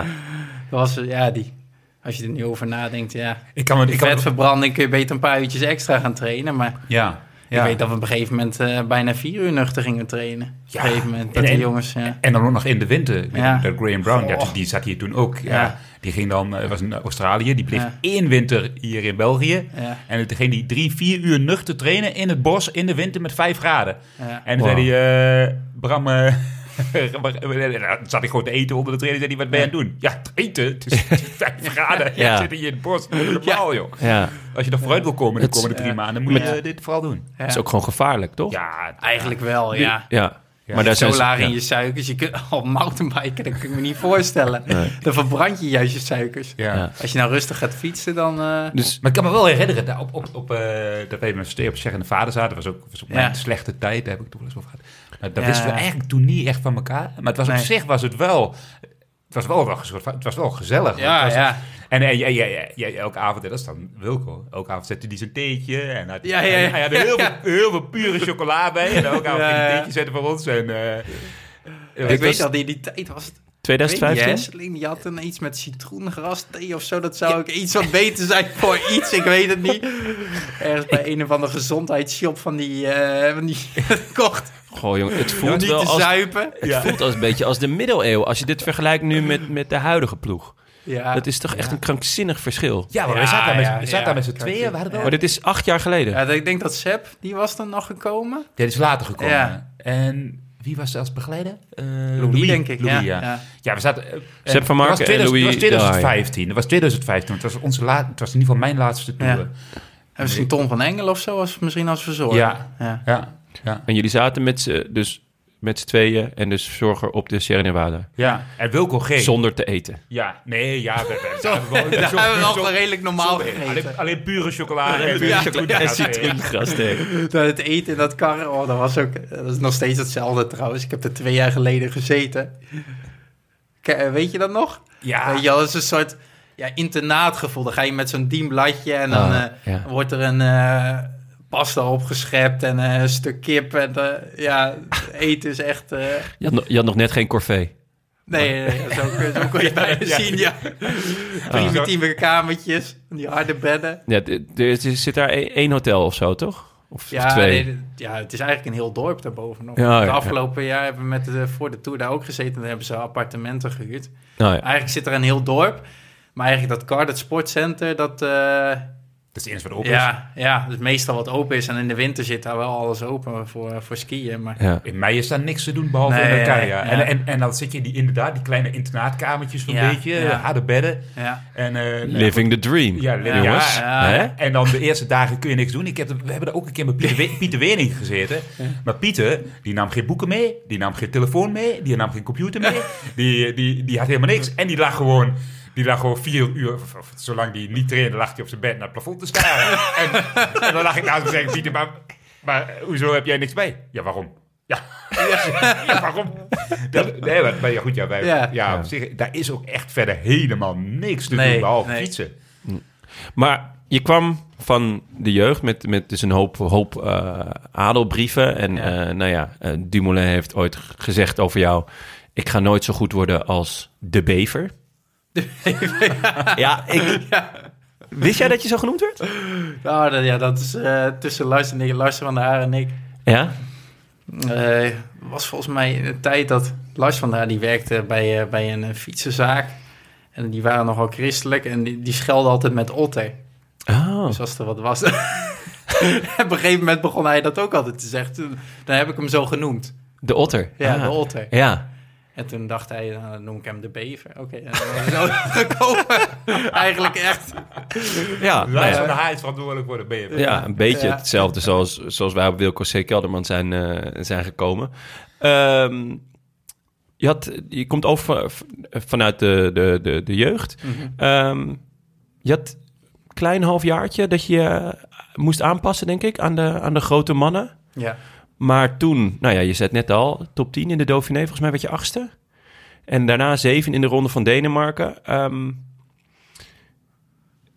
had je voor jezelf ook het gevoel van, nou ja, even een half jaar aanpassen en dan, dan ben ik er wel? Nee, ja, ik wou er natuurlijk zo snel mogelijk staan. Ja, Volgens mij reed ik dat jaar al down under. Eh reed ik volgens mij al redelijk goed. Maar toen had ik de slag gemist volgens mij op de kant met Luis Leon. Dus ja, in de Vulunga Stage. Ah, ja. En eh, daarna heb ik volgens mij in Spanje wat wedstrijden gereden. Reed ik ook wel top 10. Daar reed ik al Ja, best wel goed. Ruta. Bouw, ja. En eh, ja, volgens mij heb ik toen ook al best wel stabiel jaar gereden. Maar toen eigenlijk in eh, Californië en in Dauphiné, toen begon ik echt, echt goed te rijden. Ja, Ook in die tijdrit van de Dauphiné werd ik derde of zo. En ja. Daar, ja, daar ging ik echt van start. Gewoon, ik ging gewoon fietsen. ineens, ineens hoorde ik eh, ineens Erik Dekker, die zal achter me. Je hebt de snelste tussentijd. Hè? Snelste tussentijd. Ik weet nog dat Kaschetski, die staat ervoor of achter mij. Die dacht ik, nou, uh, wanneer zou ik hem tegenkomen? Wanneer zou hij me gaan inhalen? En toen zei natuurlijk Erik van, je hebt de snelste tussentijd. En dacht ik, ja, snelste tussentijd van de ploeg. En toen begon ik maar door te rijden. Toen begon ik later te beseffen, dat, toen zei hij volgens mij iets van... Uh, ja, Rotjes, uh, die is 10 seconden dacht, hè? Ik ben echt een van de snelste. dus toen begon een beetje de moraal te komen. Maar ja, ja dan, in die tijd zat je echt ook nog gewoon... een beetje op de tijdritfiets gezet, weet je wel. Hadden we nog van die rechte buisjes, zoals Oerig, weet je wel. gewoon een uur beuken daar uh, op die tijdritfiets. Van old school. Oh, de, oh ja, reden, ja, reden we wel op die Giants. We, ja, ja, ja, ja, ja. ja. Ah, dat was wel mooi. Je werd uiteindelijk vierde achter Wiggins, ja. Tony Martin en Michael Rogers. Niet de minste ja, namen. Nee. nee. Lekker man. Was dat het moment uh, dat je dacht... Ja, ik kan dit ook bij de grote mannen? Ja, ja. Want nou ja, de jeugd was, was vrij succesvol ja. uh, qua, qua resultaten. En uh, ik denk dat je... Weet jij nog hoe hij binnenkwam bij de ploeg? Wist, qua gevoel? Um, nou, Van er komt nou iemand aan of... Uh, nee, de, dit wordt weer niks. Of, nee, nee. de, de Wilco kwam wel binnen als, als een groot talent. Dus, ja. maar dat, goed, dat, dat, zover wist ik het wel. En ik had ook wel echt wel snel in de gaten dat... Dat, Wilco, dat, dat zei ik net ook, pure klasse. Het was gewoon echt pure klasse. Hoe die op zijn fiets zat, alles. Hoe, hoe ja, de, de, de, hele stijl van Wilco was ook gewoon... En je zegt, ik werk heel hard voor en dat geloof ik ook 100%. Alleen het ziet er niet als werk uit. Een beetje ook nee. bij Dylan van Balen. Het zijn, ja. gewoon, het zijn allebei echt fantastische stylisten. En ja. heel mooi om te zien. Als je mij als een, als een, als een kromme hoepel op de fiets zag zitten, vergeleken bij Wilco. dat, ah, ja, dat was wel een mooi trekje. Ja, mooi maar, maar um, uh, dus, dus Wilco kwam wel ja, hoog binnen, zeg. Ja. Ploeg binnen. En we waren daar heel blij mee, want in die tijd stroomde er heel veel kwaliteit weg uit de ploeg. Doordat, de Rabobank verdwenen was als sponsor. Ja, ben je, want dat was na je eerste jaar. Stopte Rabo als sponsor. Ben je, ben je in paniek geweest? Heb je gedacht van, oef, is dit het einde? Eh, Nee, nee, want dan had ik net uh, dat hele goede jaar achter de rug. Ja. En dan, ja, dan zitten andere ploegen, die zitten er al half achteraan, zeg maar. Ben je benaderd toen? Dat weet ik niet, dan moet je, dan moet je aan, eh, aan de manager vragen. Maar ik denk wel dat er wel geïnteresseerd wa- waren. Maar ik had toen niet de behoefte om te veranderen of zo. Nee. En eh, ik had er wel vertrouwen in. Ik had volgens mij toen wel net bijgetekend. Ja, Ja, maar Ja. uiteindelijk kwam het goed. ja want, ik had geen ja. zin om in de omgeving te veranderen. Ja. Zeker niet op die, in dat stadium van mijn leeftijd. Nee, want je was nog echt jong. Nou, het jaar daarop is eigenlijk een voortzetting van, van wat, je, wat je had gedaan. Je wordt zesde Down Under, vijfde in Romandie. En je eerste grote ronde, de Giro. Eh 17 in het algemeen klassement en derde voor de witte trui. Geesink was kopman, maar die viel uit volgens mij. Ja, die, zat- die zat toen met die hartproblemen. Oh ja. Ja, dat ja. was toen, ja. ja. Ja. ja. Ehm, toen had je daarna, of had je van tevoren al een vrije rol of had je daarna, kreeg je die daarna? Nee, ja, die, die kreeg ik daarna. Ja, toen die echt eh, uitstapte. Ik weet nog wel, dat was echt een Giro. Was jij daarbij trouwens? Nee. Nee, nee, was je niet bij. Ik had er van de week nog met Wijnand over, die is nu ploegleider. Die was ook in die Giro. Oh, dat was echt een Giro met alleen maar scheid weer. Oh, dat was echt verschrikkelijk. Het was koud. Ja. En Jullie hadden weer niet gegeten ja, de- waarschijnlijk? en eh, Robert die zakte... ja, wat weer niet gegeten. Nee, Robert die zakte op een gegeven moment één etappe er doorheen. En oh, de sfeer was echt zo depressief. Ik weet nog dat het echt... Er was echt geen zak aan. Alleen Challo natuurlijk, Mr. Koos. Die, maakte er nog wat moois van. Alleen elke dag in de Ja. bus. Jongen, Ja. het regent weer. Ja. Niemand, is, niemand is gemotiveerd. Yes! Wij ook niet. Dus, oh, maar ja, uiteindelijk... eh, het was wel eh, voor mij wel een, een leuke Giro. Want? eh, nog veel in de aanval reed daarna, die Ja. etappes. En eh, toch wel laten zien dat ik eh, in een grote ronde ook wel goed bergop kwam. Ja. Eh, later in het jaar win je de Ronde van Denemarken. Mhm. Eh, zowel de tijdrit als het algemeen klassement. Ehm, je wordt ook nog zevende in, in, in de Eneco Tour. Dat is sowieso een, een ronde die, die jou Mhm. best wel ligt, volgens mij. Welke van deze prestaties, dus van dit jaar, Mhm. had voor jou het meeste, het meeste waarde? Dat jaar. Of is dat hetzelfde jaar? Eh, Of is dat het jaar daarna? eh, tw- 2013 hebben we het nu over. Dus eh, jaar blanco. Ehm, ah ja, dat, dus dat was je eerste- Denemarken. Eerste grote ronde? De, de eerste grote ronde. Wat daarna kwam... Gewoon, eh, toen voelde ik wel dat ik een stapje had gezet. eh, nog, nog één keer, wat, wat, was het, wat had het meeste waarde? Denemarken of de grote ronde? Denemarken. Denemarken, ja. Dus Om de, je, je, je wint. Ja, je Dus wint. natuurlijk je had een stapje gezet naar de Giro. En ik voelde wel echt dat, eh, dat ik weer wat sterker was. Ja. Ja. Dus ehm, die, die, die Giro, die, die had duidelijk de motor, nou ja, eh, dusdanig vergroot ja. dat, je, dat je vervolgens echt mee kon strijden eh, Ja. om, eh, om het algemeen klassement in, nou ja, dergelijke rondes. Ja. Ehm, vervolgens eh, 2014, Blanco wordt Belkin. Als ik dan naar jouw programma kijk, rij je in 2014 voor het eerst een echte grote kopmannen eh, programma. Ja. Klopt dat? Ja, toen Dus werd echt- ik wel mee uitgespeeld als Ja, kopman. dus inderdaad. vijfde. Ik denk dat ik Parijs-Nice en zo... eh Ja. reed denk ik wel als, als kopman. Ja, je wordt daar dertiende. Ja, Eh. maar Parijs-Nice was ik wel heel goed. Dan denk ik een van de laatste etappes kwamen Tom Jelte en ik in, in, in aanraking met elkaar. En toen reed hij zijn derieur eraf, of ik of zo. Ik weet niet wat, wat het toen was. Maar uiteindelijk had ik daar wel top 5 of top 3 kunnen rijden, volgens mij. Ja, Dus dat was zonde. Was dat die, eh, die Giro dat ik jou toen eh, moest... Of die, eh, sorry, Parijs-Nice. Dat ik jou moest ondersteunen. Hebben we een keer dat ik zei... Oh, doe rustig, we blijven altijd lekker van achter.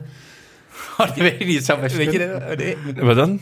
Ja, goed. Ik, ik moest... maar ik kan ook een jaar later zijn Oh, geweest. dat kan denk ik eh, denk een jaar later. Ah, oké. dat, dat ik niet zo goed was. Dat, dat, we, dat we zeiden van, nou, we doen het rustig aan. Eh, Ja. Wilco hield niet van stress in het peloton. We blijven, Nee, gewoon, nee. we blijven gewoon rustig van achter. Vandaag gebeurt er niks. Ja. En, ehm, en we kunnen op laatst altijd nog wel voorbij. Ja. En ineens, jongen, kwamen we op lokale ronde en het ging op de kant, jongen. De peloton in tien stukken. Zaten we vandaag, weet je, weet je dat? En we moeten rijden om terug te komen, jongen. Ja, we Ik kan niet meer, joh. ja, ik sta daar niet wind, jongen. Oh. En zei je nog, oh, lekkere beslissing, dank. Oh ja. Is het zo? Maar ik maakte me eigenlijk nooit zo heel snel druk. Nee, ik vertrouwde nee. echt in mijn ploeggenoten. Maar Ja. weet je, ook als dat gebeurde, ja, dat ging als mee. Ik vond het allemaal wel prima, weet je wel. Sommigen die konden zich helemaal eraan opvinden. Ik denk dat Robert en ik waren een beetje, ja, een beetje, in die tijd wel een beetje tegenpolen van Ja. elkaar. Ik denk dat hij wel ook wel nerveus van mij werd. Want ik was een beetje nonchalant, een beetje rustig. Van, ja, komt wel, weet je wel. En ik weet wel ongeveer wat ik wil en ik doe het gewoon zo, weet je wel. Maar daar werd eh, Robert wel redelijk nerveus Ik vond het heerlijk. Ik vond het heerlijk, want ik moet nu bij jou blijven. Ik denk, oh, gelukkig bij Wilco. Oh. lekker, lekker relaxed, de hele dag gewoon van achter. Want al die stress in Parijs niet Ja, altijd Parijs is echt niet leuk. Nee, ik zeg, blijf vannacht Wilco, blijven weg bij die valpartijen. Ja hoor, dat hadden we het hangen. Maar we kwam, het kwam uiteindelijk goed, maar Ja. eh, dat is wel... De- ja, je zegt in een bijzin, je, hou- je houdt niet van de stress. eh, maar Nee. is dat, dat is niet, niet per se uit angst, maar meer gewoon hè, meer uit van een soort relaxedheid van het komt wel goed. Ik kan ook prima achterin zitten. Ik hoef, je moet ik hoef gewoon niet. een beetje slim koersen. Je hoeft niet altijd... eh, soms was het in die tijd van... Oh, je moet met de alle de hele tijd van voren zitten en in de wind rijden. Ja, maar soms gebeurt er gewoon ook niks. En dan kun je wel de hele dag van voren zitten, zitten beuken... en zoveel energie verspillen. Dat had ik ook wel door die jaren een beetje gezien... dat het toen niet echt nodig was. Maar hoe is dat nu dan? Want, nou ja, je bent Ja. nu, zit je meer in de positie Ja. van helper. Ja, En, nou ja, als ik naar jullie kijk op tv, dan Ja. zitten jullie wel altijd ja, ja op de eh, positie helemaal... Wielrennen is echt heel erg veranderd in de tijd. Het Is dat zo? Veel gestructureerder geworden, ja. Ja, als je in de Tour rijdt, dan... Ja, je ziet dat alle ploegen die hebben een taak. Iedereen rijdt echt bij elkaar. Bij elkaar.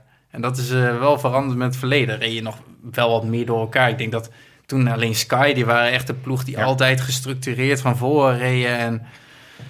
En, en deze tijd zie je dat eigenlijk alleen maar. In wedstrijden zoals Vuelta is dat iets minder en dan, eh, dan is het wel iets anders. Maar nu heb je echt een taak en is de, is de taakverdeling heel anders.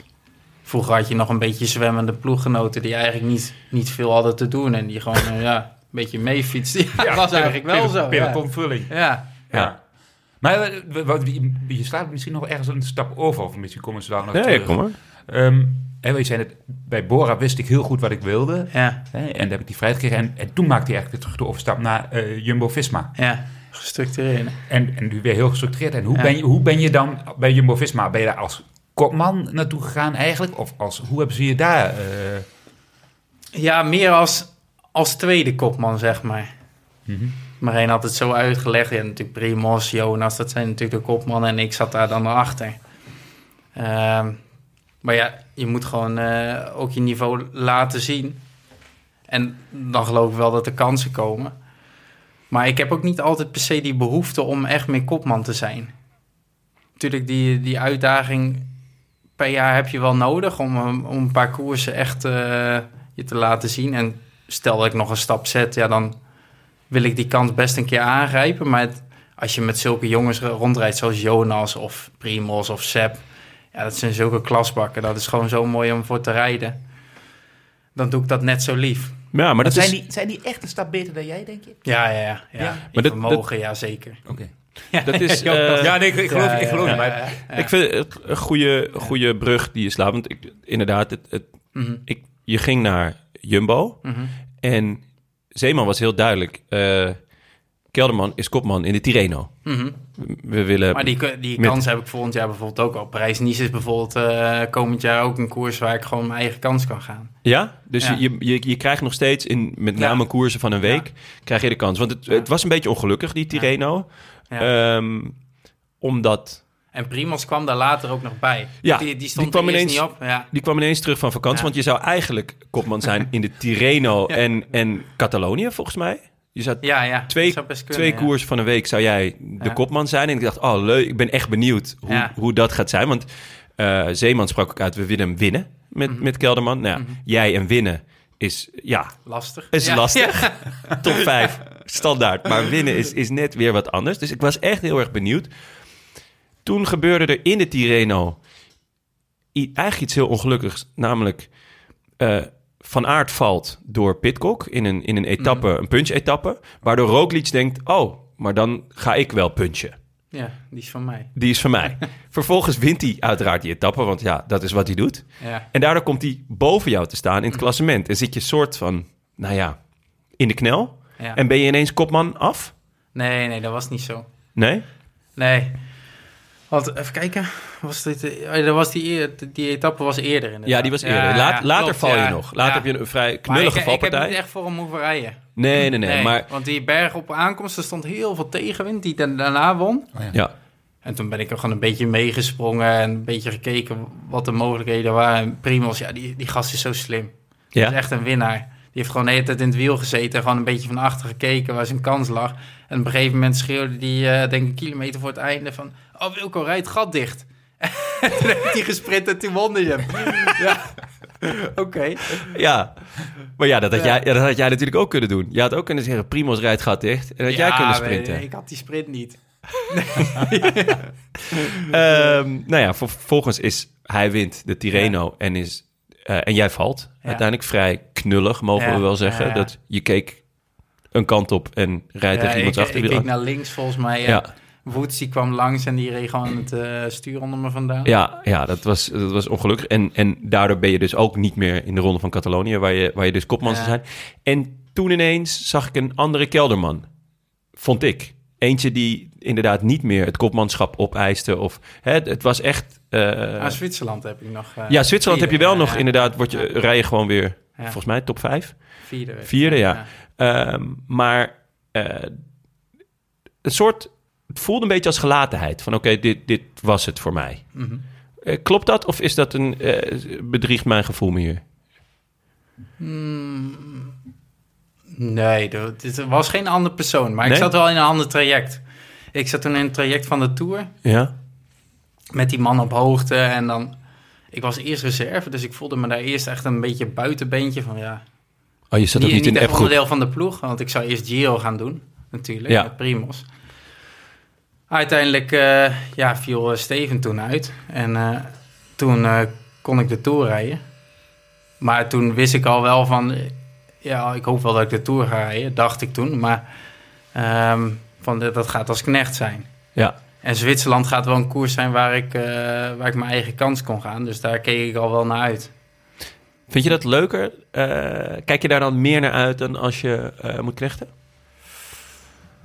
Mm, nee, niet per se. Ja, sowieso, het is gewoon een hele andere, hele andere focus ook. Waar zit het hem in? Ja, gewoon als, als klassementsrenner moet je elke dag afzien. Je moet er echt mentaal voorbereid zijn, vind ik. En eh, ja, dan moet je elke dag knokken. En een grote ronde, ja, dan eh, als je als knecht is het heel anders. Dan moet je echt gefocust zijn op je, op, op, op je kopman, wat hij wil. En eh, ja, gewoon ook zien te sparen her en der. Is makkelijker. Ja, wel makkelijk, minder stressvol vooral. Ja. Makkelijker wil ik niet zeggen, want in, eh, in deze ploeg met zoveel sterke renners, ja, dan moet je... eh, ik was dan een van de laatste mannen, ja, maar ja, als een Dylan van Baarle daarvoor me op kop rijdt met zijn vermogens, dan zit ik ook gewoon af te zien, weet je wel. Ja, dat is niet dat ik dan eh, gratis in het wiel zit. Daar kan, me Ja. al- daar kan me dus altijd zo voorstellen Ja. dat, je dan, dat je dan zit zo en dan rijdt er eentje zo hard op kop. En dan denk je, hoe hard rijdt hij op kop? Dat je, hebben dus heel vaak zo. En, dat je denkt, oh, en ik moet straks nog overnemen en dan moet ik nog harder. Ja. Eh, slaat, Dan dan moet ik ook... Nee. staat dan niet soms een bepaalde paniek om je hart? Van, eh, ga eens voor kop, want ik... eh Het is ook niet lang vol. Nee, nee, dat, dat viel er wel mee. Maar soms had ik wel dagen op een gegeven moment... Ik denk dat het was dat Plan of zo. Toen Wout, die reed, of, die reed zo verschrikkelijk hard. Eh, zo'n zo'n grote gast, zo fucking sterk voor je. ik zei, dat was ik denk net voor de top. En toen trok hij nog even door. Toen zei ik, eh, Wout wat rustiger. Want oh, hij reed zo hard, jongen. En dan denk je wel van, oei, dit gaat een lastige worden. Toen zei ik al, Wout, ik, ik eh, doe wel de vallei samen met jou. En dan doe ik het eerste deel en doe jij het tweede deel van de klim. en uiteindelijk nam eh UAE dan over. Maar dat zijn wel soms momenten van, eh, ja, de Nou. een met zoveel klasbakken wel in de ronde. Nou ja, je hebt het niet slecht gedaan, want Nee. eh, afgelopen zomer is bij ons een nieuw begrip ontstaan bij de Roland Taarn. Eh, de KKK, dat was op zich een oud begrip, maar een vervelend begrip. Maar de Crazy Kelderman kilometer. Namelijk dat jij gewoon een kilometer lang knetterhard op kop ging beuken. Waardoor de groep eigenlijk echt extreem werd uitgedund. Eh, we hadden een vraag van Klaas JH. Ik hoop dat het Klaas en Huntel is. Wat vind je van de KKK? Wat vind je van? En dan, eh, zeg maar, als... niet, niet die met die witte kappen, maar eh, voelde je dat zelf ook zo? Ja, dat, dat- Dat, dat je echt die, die, die mannen erachter pijn aan het doen was? ja, je weet natuurlijk dat je in een grote ronde bij de beste tien hoort. Dus als ik volle bak ga, dat die, dat die mannen tussen de plek 5 en 10, ja, die zitten zo erg af te zien. Dat er niet veel meer in het wiel zitten. Dus dat is wel een lekker idee. Ja, dus je, je, Dus toen ik op de Tourmalet even volle bak aan, Ja. toen weet Ja. ik wel dat er... eh, dat er mensen zaten te verrassing was, huilen. ja. ja, oh, wat goed. Maar ja, het is wel geweldig. Ja, Jonas en, die, eh en Pogacar, die zijn zo sterk. Dat is echt niet normaal. Die zijn wel echt een klasse beter dan de rest. Ja, Als ik volle bak eh, aanga, dan zit Jonas zeg maar nou, niet op het gemak, maar die zit dan wel nog eh die kan nog 20 minuten door, zeg maar. Ja. Dat is wel echt, eh, echt straf hoe, eh hoe buiten categorie die twee jongens zijn. ja dat, dat, dat, dat voel je echt. Ja, dat voel je zeker. Dus eh Poggi en Vingegaard, dat is echt Ja. nog een heel ander... Want soms heb je ook wel eens... Ik weet nog in het begin van de Tour, dan reden we... Op een gegeven moment een van die klimmen Baskeland, eh, die was 10 minuten denk ik of zo. En dan reed Dylan op kop, iets van 450 watt of zo. Ja, dan zit je echt al, echt al hard te geven. En dus hij, toen namen we op een gegeven moment over en toen denk ik dat Dylan iets vertraagd. En toen zei Jonas van, ja, ik was echt bang dat eh UAE weer over ging nemen. Want we gingen echt wel een stuk zachter. Ik zei, Jonas, we reden 450 watt. Ik denk niet dat iemand meer kan overnemen. Maar dan voelde Ja. hij zich nog vrij goed, zeg maar. Ja, ja, Ja, ja. terwijl echt iedereen dan echt al eh nekkie eh, volle bak zit te geven, weet je wel. Je- dan merk je echt ja. dat ik, ja, gewoon een klassenverschil. Je noemt, je noemt Vingegaard en Poggi. Roglic hoor ik niet. Is, is die dan weer net iets daaronder? Roglic is anders. Ja? Is eh, explosiever. En Ja. is denk ik ook...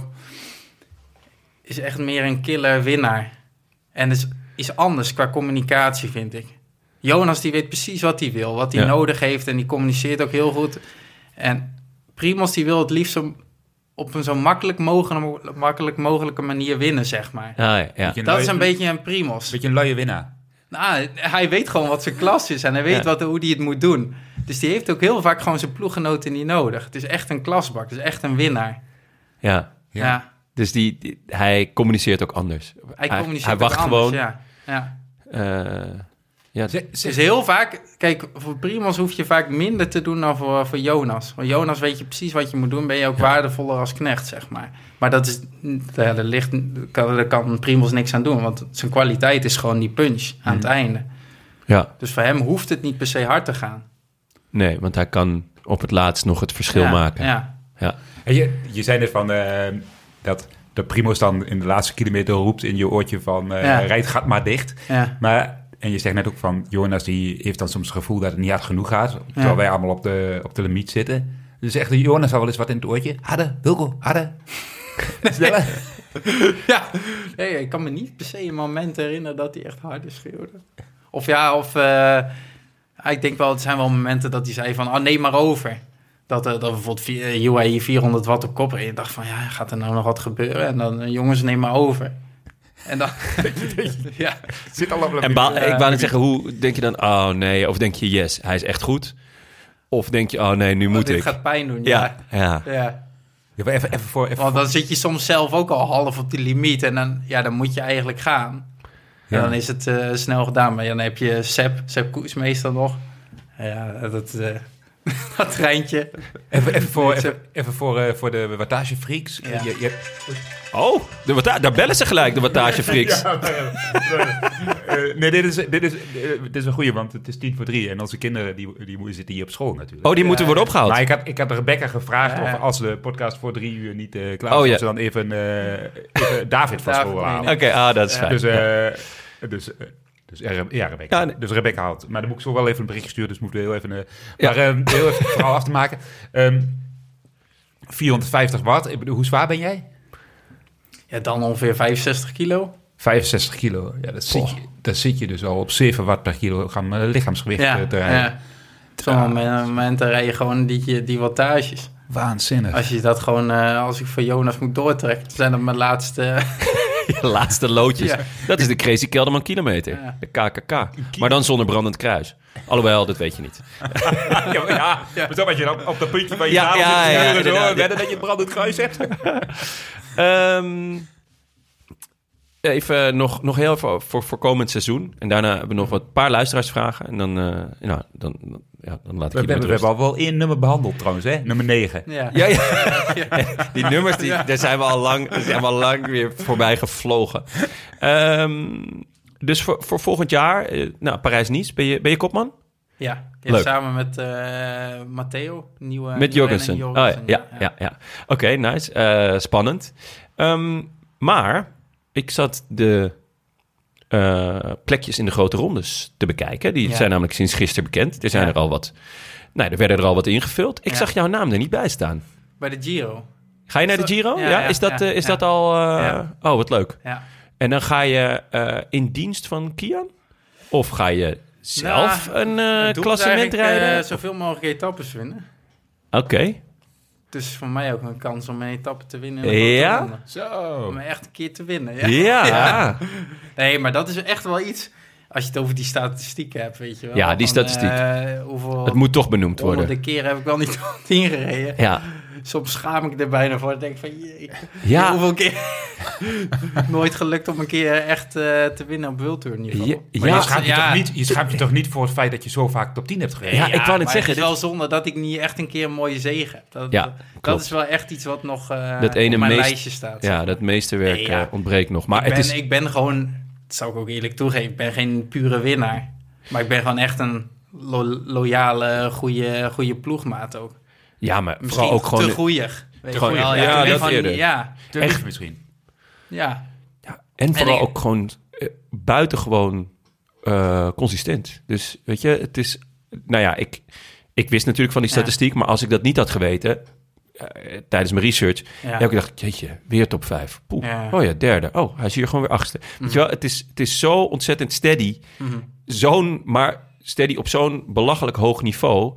dat het vooral gek is dat die, dat die overwinning er nooit is uitgerold. Nee, Want je, hebt best, je kan ook best wel goed aankomen, toch? Ja. Ja, ja. Dat is het rare. Ja, het is gewoon, denk ik, ja, ik weet niet of het mindset is, maar ja, je komt natuurlijk wel fases in je carrière dag voorbij dat je denkt van, oh, die had ik kunnen pakken of zo. Welke? Ja, ik denk in het begin van mijn carrière heb ik wel eens eh, etappes gehad in de Vuelta of eh, her en der, dat ik denk van, nou, dat had ik wel misschien wel kunnen winnen. Dat je gewoon te laat aangaat. Die, die Giro, ehm, Ja. eh, die, eh, die, waar je derde wordt, dan word je in een van de eerste... eigenlijk in de eerste bergrit word je volgens mij vierde of derde. Ah ja, ja. Daar had ik het de gevoel- Etna. Ja, op de Etna. wel Kunnen winnen. Daar Ja, had ik het gevoel dat je- Giro had ik wel een etappe kunnen pakken. Ja, Als ik Zo was je zeker in zo het begin goed. van de Giro wel echt goed. ja. Ja. Want je reed daar weg bij de, bij de grote mannen eigenlijk. Die allemaal niet konden volgen. Maar er waren dan nog 2,5 vluchter eh, vooruit. Dat was... eh, En ik denk, ben ik ook een beetje een denker en een twijfelaar. ah, En ik denk dat ik, zeker, dat is ook, eh, ik moet gewoon eh, al van tevoren iets in mijn hoofd hebben. Voor de- Anders ga ik te veel twijfelen in de koers, zeg maar. Ja. Ik moet gewoon een dag gewoon een keer mijn Of- stuur opvreten. En, eh, ja. Maar, Of iemand die je daarop coacht. ja, wat ik zeggen, ja, precies. Is, is er iemand die jou daar echt in kan coachen? Binnen de, ja, binnen de ja, jawel, jawel. En daar denk ik ook wel zo over. Nou, dat, dat zijn juist de doelen voor dit jaar. Ja. Weet je, wel? je probeert natuurlijk toch altijd het beste eruit te halen. En kleine dingen, motivaties om, eh, om hard voor te trainen. En dat is zeker een punt eh, waar ik aan ga werken. Dus. Ja. Wie, Dus- wie, wie binnen de ploeg kan jou het best motiveren? Zeg maar, welke, welke ploegleider? Nou, daar heb ik niet per se één ploegleider, denk ik. Nee? Nee, Ik weet dat maakt me niet zoveel uit. Nee. Ik weet vanuit, vanuit, vanuit het verleden, zeg maar, bijvoorbeeld Nico Verhoeven was iemand Ja. die, die jongens echt, echt, echt tot op een pot Mm. kon motiveren. Ook in die Tour, in die, Ja. die waaieretappen. Mhm. Zitten... Nee, dat heb ik niet per se, nee. Maar dat is ook wel een beetje veranderd. Zeg maar, qua de coaching en zo is het heel... Met de, natuurlijk met de... Hoe heet dat? Veloviewer? Ja. Ja. Ja, dat is het allemaal zo specifiek geworden en uitgeschreven. Dat is bijna een soort... eh, zo, weet je, zo'n eh, zo'n lezer voor een rallycoureur. Naast de rallycoureur. Die zegt nou, 200 meter links, drempels. ja, zo gaat Maar dat het is een toch beetje. voor, voor, een, voor een twijfelaar is dat Ja. best lekker, toch? Dat ze gewoon kunnen zeggen, nou Wilco, dit is het moment, daar ga je. Ja, hier zet je aan Nee, maar en hier... het is ook een soort van gevecht tussen afzien en, en gedachtes. Ja, Dus daar, daar moet ik me mentaal echt op voorbereiden. Dus ja. dat is echt een stukje mindset. Maar dat, dat is denk ik, dat is iets in mij, daar moet ik gewoon week of maanden van tevoren voorbereiden. Er gewoon goed uitwerken en dan... eh, Ben je daar nu voor een koers al mee bezig dan? Als je Nee, het hebt niet. over weken of maanden? Nee, nu nog niet. Maar er komen wel periodes, bijvoorbeeld op hoogte staat je genoeg tijd hebt dat je gewoon dingen gaat uitzoeken en eh, wat het beste bij jou ligt en dat soort dingen. Ehm, Welke etappes goed zijn. ja, want kopman Parijs-Nice, samen Mhm. met Jurgensen. Eh beetje vrijbuitersrol in de Giro. Wat, Ja. wat, wat staat er nog meer op programma? En in welke, hoe, in, in welke vorm? Ik begin in eh, Gran Camino. Eerst doen we een hoogtestage. Gran Camino, wedstrijd in Spanje. Zou ik voor, denk ik ook wel redelijk mijn eigen ding kunnen doen. Dan Parijs-Nice. Ehm, dan doe ik weer een hoogtestage. En dan ga, doe ik de heuvelklassiekers hier. Kijk eens aan. Ja, De heuvelklassiekers. ja. Dat en is, dan eh, doe ik de Giro. ja, En ik word vader in die tussentijd, dus dat is allemaal een beetje... van je tweede. ja, Ja. Oh, wauw. Dus eh, dat was dit jaar natuurlijk ook, weet je wel. Daar moet je dan ook weer een beetje omheen plannen. En eh, Ja. dat is ook weer een mooi vooruitzicht. Dus Ja. Ja. Ehm, Zo rond de heuvelklassiekers. ja, Ja. ja, die heuvelklassiekers, daar was ik nog wel benieuwd naar. Want Ja. eigenlijk van alle eendagskoersen... voor iemand die toch zo vaak kort rijdt in, Mhm. in, in zware etappes... Mhm. je hebt er niet zo heel veel eendagskoersen gereden überhaupt. Nee, maar dit En- is niet echt mijn ding, heb ik het idee. En waar, waar, niet, waar eh, ligt het dan aan? Je bent één keer volgens mij 60 geworden in Montreal. Ja, En eh, ook een keertje top 10 in de, in de Waalse Pijl. ja. En wat, wat, wat Italiaanse semi-klassiekers. Maar ja. eh, ja, Ik heb het meestal nooit echt over één dag.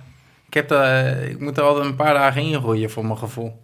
Een diesel. Ja, ja. En zoals in Montreal heb ik wel eens een keer een goede uitslag gereden. Omdat het gewoon de hele dag regende, de hele dag koers. En dan eh, kom ik vanzelf wel bovendrijven.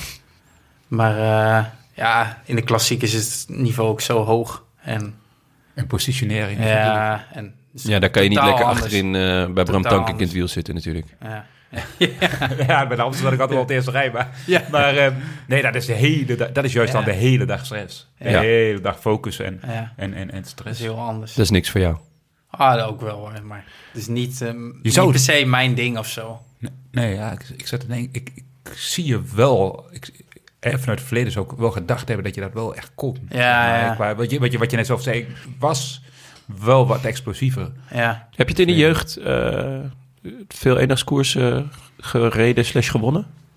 Hm, ja bij de belofte niet veel, denk ik. Nee, helemaal niks. Toch altijd eh, koersen van een paar dagen. hè? Ja, Ja. ja. Nou. Junioren natuurlijk wel, maar dan heb je, ja, dan heb je bijna alleen maar klassiekers en zo. Ja. Ja. Ja, bij de jeugd. Ehm, ik heb alles ge- ongeveer gevraagd wat ik wou weten. Ehm, zometeen hebben we nog een paar luisteraarsvragen. Maar eerst gaan we natuurlijk naar onze tweede sponsor, Bamigo. Ah, zul je hem hebben? Ja, Tank, Bamigo. Ik had hem dus gisteren weer aan, boxershortje. Ja. En weet je wat het voordeel daaraan is? Het is Nee. misschien ook wel voor sommige mensen een nadeel. Maar dat je dus niet zo goed ziet wat nou de binnen- of de buitenkant is. Ah, dus je kunt hem van twee kanten dragen. Je kan hem van twee kanten dragen, dus hoef je hem ook minder vaak te wassen. Dat is... En En het gaat niet stinken, toch? Het- Nee, nee, natuurlijk niet. Je kent Nee, mij. Ik, eh, is bamboe. Ja, dat, dat stinkt niet. En ik stink ook niet. Dus je kan hem, ja, je kan hem gewoon binnen, buiten, achterste voren, onderste boven. Kan gewoon allemaal. Ons, Onderste boven. en, als hij uiteindelijk dan echt versleten is, stop je hem gewoon in de grond en dan gooit een nieuwe bamboe uit. Eh, Ja, en als je een beetje massa hebt, komen er nog een paar pandaberen op af ook. ja. Maar goed, Bamigo is het kledingmerk van de toekomst. Wat ik me dan Gemaakt dus van... bamboe. Ja, wat vraag jij? Ja, af wat ik me afvraag, of je, Ja. als je dan met VPN die bestelt vanuit Ethiopië, of ze dan ook goedkoper zijn. Dat zou wel een hele mooie combi zijn van al onze eh, producten. ja, en dan stop je hem daarna in de grond en dan g- giet je er wat pokon op. Hè? Ja, die hebben we ook nog gehad, ja. Ja, dan Zeker, ja. ja, nieuwe bamboe in je tuin. Ja, of we planten het dan weer in Ethiopië. Dat, er dan... Ja. Hè? Hey. Ongelooflijk. Dat is echt wholesome. En dan sturen we alle pandaberen naar Ethiopië. Ehm, nou, het is de meest zachte stof verkrijgbaar. Geweldig comfort, absorberend en ademend. Dus de hele dag fris, binnen en buiten. Kan allemaal gewoon, weet je. Ik denk toch, ik, ik, ik, ik moet zeggen, ik heb nog nooit een bamboe, eh, bamboe in mijn lijf gehad. Maar Heb jij, heb je, hoezo heb jij geen, eh, geen... Heb je niet een setje gekregen? Heb jij nooit een setje nee, ja, gekregen? of, of die is, of die, Nou, is dan- door iemand, die, die is door iemand anders opgesoupeerd. Maar eh, Oh, dit, hier, hier schrik ik van. Nou, ik ga, ik ga, hier ga ik even achteraan. Want je moet natuurlijk wel gewoon zo'n lekker setje. Want ze hebben alle essentials, hè. Eh, elke man zou dit in zijn kast moeten hebben. Eh, jij dus ook. Je bent een man. Eh, onderkleding, boxershorts, ondershirts en sokken. Maar ook bovenkleding zoals truien, polo's en loungewear. Dus als je nog wil loungen, dan kan dat ook gewoon in je bamboe. dat is gewoon een wit gewaad. Of, dat is een wit gewaad. Of, eh, dat zou vet zijn. Ja, gewoon lekker bamboe, bamigo en loungewear. Ik, ik, ik weet eigenlijk niet of ze witte gewaden hebben. Dat vind ik meer iets voor... Ik weet, ik weet niet of er nog Romeinse... eh, misschien een Romeins thema is bij eh, Bamigo, maar... als ik aan een lounge denk, denk ik aan een hele grote witte ruimte met witte banken en dan mensen met witte gewaden. Jij, denkt- jij denkt gewoon, Arabische- ik wou, jij denkt gewoon eerder aan een baganaal met, met van die mensen die dan druiven voeren en zo. En heel veel wijn. En dan hebben we zo'n fles wijn je. Nee, dat is goed. Dus ehm eh, Lantaarn 20 eh, voor 20% kennismakingkorting op de eerste eh, bestelling. Speciaal voor de luisteraars van de Roland Taarn. Ga naar bamigo.com. Maar ik zorg dat jij even Nou, een, ik- eh, een setje krijgt. En als jij interesse hebt, zorg dat jij ook een setje krijgt. Hè? Wilco? Of eh, hebben- krijgen, jullie ook, krijgen jullie ook boxershorts van de ploeg? Nee, nee, nee. Nee? Oké, nou, ideaal. La Machine heeft geen, eh geen boxshorts, toch? Nee, nee Ja, wel, wel mooi. sokken, wel sokken ja, van en, La eh, Machine. en natuurlijk onze shirts. Hey, La Machine. ik heb hem aan, hè? Ja, ik heb ik ook. machine. De Das war eenmaal heb ik eh, op mijn Ah, rug staan. ja. Dus eh, heerlijk. Eh, heb jij trouwens, want ik had voor eh, Jos nog een shirtje meegegeven met Das war eenmaal. Heb je die aan hem gegeven? Ja, of? nee, Jos die is al twee weken op eh, trainingskamp. Of drie weken bij die vrouw. Die is Ah. gisteren, eh, de- want, is gisteren, eh, ja, ja, gisteren was hij teruggekomen, ja. Ja, ja, Ja. want eh, er staat ook nog een fiets van hem hier. Dus eh, een Oh, gravelbike die hij eh, gaat gebruiken voor volgende week. Zij is drie weken op trainingskamp geweest met de vrouwen. Ja, toch? hij was echt heel erg lang En weg. weet je, weet je of ze hebben Ah, ik gehuild? eh, Want dat had hij dat heb gezegd. ik hem wel gevraagd. Hij is wel bijna gecanceld al. hij is al wel bijna gecanceld. nou, na een paar dagen stuurde hij... Oei. Ja, heeft, heeft nog lang geduurd. Ja. Ehm, nog een paar eh, luisteraarsvragen voor jou, Wilco. We beginnen met eh, die, de vraag van Cor Werkdam. In de Roland Taarn wordt je steeds Wilco C. Kelderman genoemd. Als een eh, literair schrijver. Nu is de vraag of Wilco zelf ook literaire boeken leest. En zo ja, welke? Nee, eigenlijk niet. Nee? Ik heb bijvoorbeeld wel het boek van Bram Tanging gelezen. Oeh, dat is geen literatuur. Nee, is meer een, eh, nee ik lees eigenlijk niet veel. Nee? Nee, ook niet nee. eh, op, eh, op trainingskamp? Of, eh, Nee. hoe, hoe vul je dan je, je uren? Of een beetje à la Pieter Wening? Gewoon lekker naar het plafond staren? Of, eh, Nee, nee, wel, ja, een beetje met thuisbellen, een beetje social media checken. Eigenlijk van alles wat. Een beetje nieuws volgen, serietjes? serietjes. Wat, wat, wat kijk je? Wat kijk je graag? En nu laatst had ik eh Ferry gekeken. Oh ja, ja. Dat is ook wel leuk. eh. ja. ja, gewoon een beetje dat soort serietjes. eh. En muziek? Muziek ja, eigenlijk niet zoveel. Meestal gewoon radio of zo zet ik op. Radio. Radio, ja. Als podcastmaker schrik ik daarvan. Radio. Dat is alsof je nog eh lineaire, school, alsof je nog lineaire tv kijkt, joh. Maar goed, het, het, het kan. Ehm, Floris van Mijl vraagt: eh, wat is tactisch gezien je grootste meesterzet en je grootste blunder geweest in je carrière? Tactisch in je hoofd. Dat is wel een lastige vraag, zeg. Ja, Tactisch. die heb ik niet gemaakt, die meeste zet. Moet nog komen. ja. Is, ja, is dat omdat je, eh, dus waar we het net over hadden, soms te veel twijfelt? Ja, ja. Is dat, is dat misschien de, de nou ja, hè, de tactische meesterzet die je nog kan doen? ja. Dus niet, niet, meer, ja. niet meer Die moet twijfelen, misschien nog komen. gewoon, gewoon gaan. Ja. Niet meer twijfelen, niet nadenken. Plan, plan van tevoren Of hebben. zoals El Giro Elia altijd zei, gewoon scheid hebben, acties gaan maken. scheid hebben, ja. Ja, Stuur opvreten. Ik denk dat je inderdaad... eh, Iedereen kent jou. En denk je dat je straks in de Giro, zeg maar, zit je in de kopgroep en dan ga je er gewoon de hele dag een scheve bek trekken. Dat je achter zit dat je zegt, Ja. ja. ja, oh, die is echt niet goed. Die, ik heb die nog nooit bekken zien trekken. En dat iedereen dan denkt, die is echt niet goed. Dan Ja. Gewoon de hele dag zo meeslepen en dan... eh, Laat veel nee schudden. ja. Af en toe die benen een beetje zo masseren. En, en dan, Zoals alle Philips. Ja, ja, schudden. Ja, En- en, dan, en die tong er de hele tijd uit. Ja. En dan eh, op de laatste klimming weg. In één keer weer- weg. En dan weer Wilco Stijl. Ehm, Edwin Stolk vraagt: In welke klassieker kan jij geschiedenis schrijven? Of is dat En welke echt? klassieker? Ja, Goh. Amsterdam Gold dan, hè? Amstel Gold, ja? Ja. Ja, is toch. Ja, we zitten in de, in de buurt, maar je hebt daar nooit echt een. eh, Nee, nee. Ik heb wel een keer een jaar gehad, toen kwam ik voorop volgens mij. En toen in de afdaling van de Vromberg reed ik eh, het weiland in. Dat ligt altijd zo. toen was ik zo enthousiast dat ik uh, Dat je uit- mocht insturen. Toen voel ik me glijden. Toen dacht ik, oeh, hier kan ik maar beter rechtdoor sturen. Want anders lig ik op mijn kokosnoot. Gewoon uit enthousiasme een weiland ingestuurd. Ja, ja.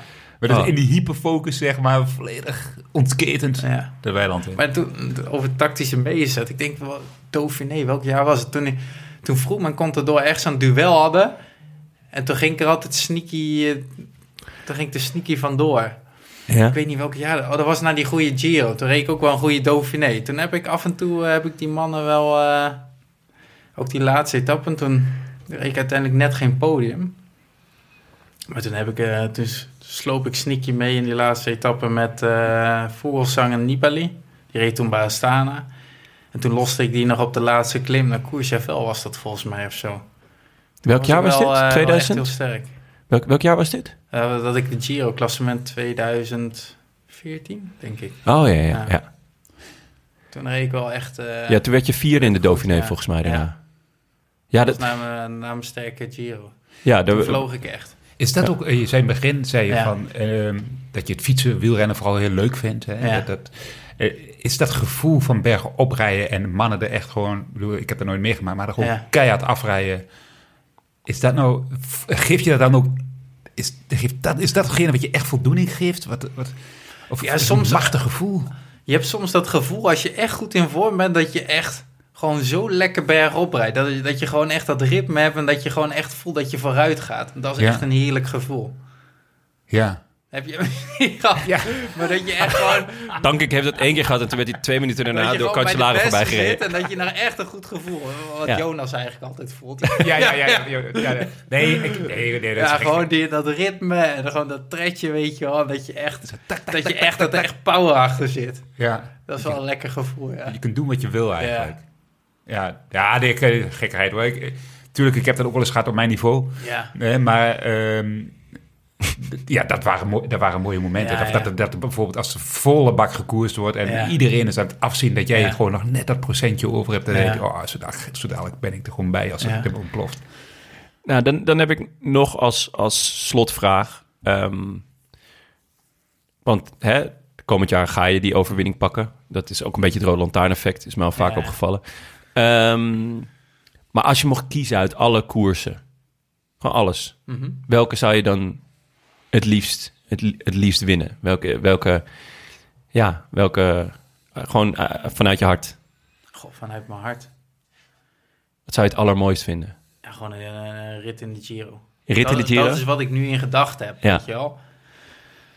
Natuurlijk wil je het liefste Tour of weet ik veel, de Amstel Gold, weet je wel, of het thuispubliek. Maar ja, dat, eh, ik denk dat is het dichtste bij mij.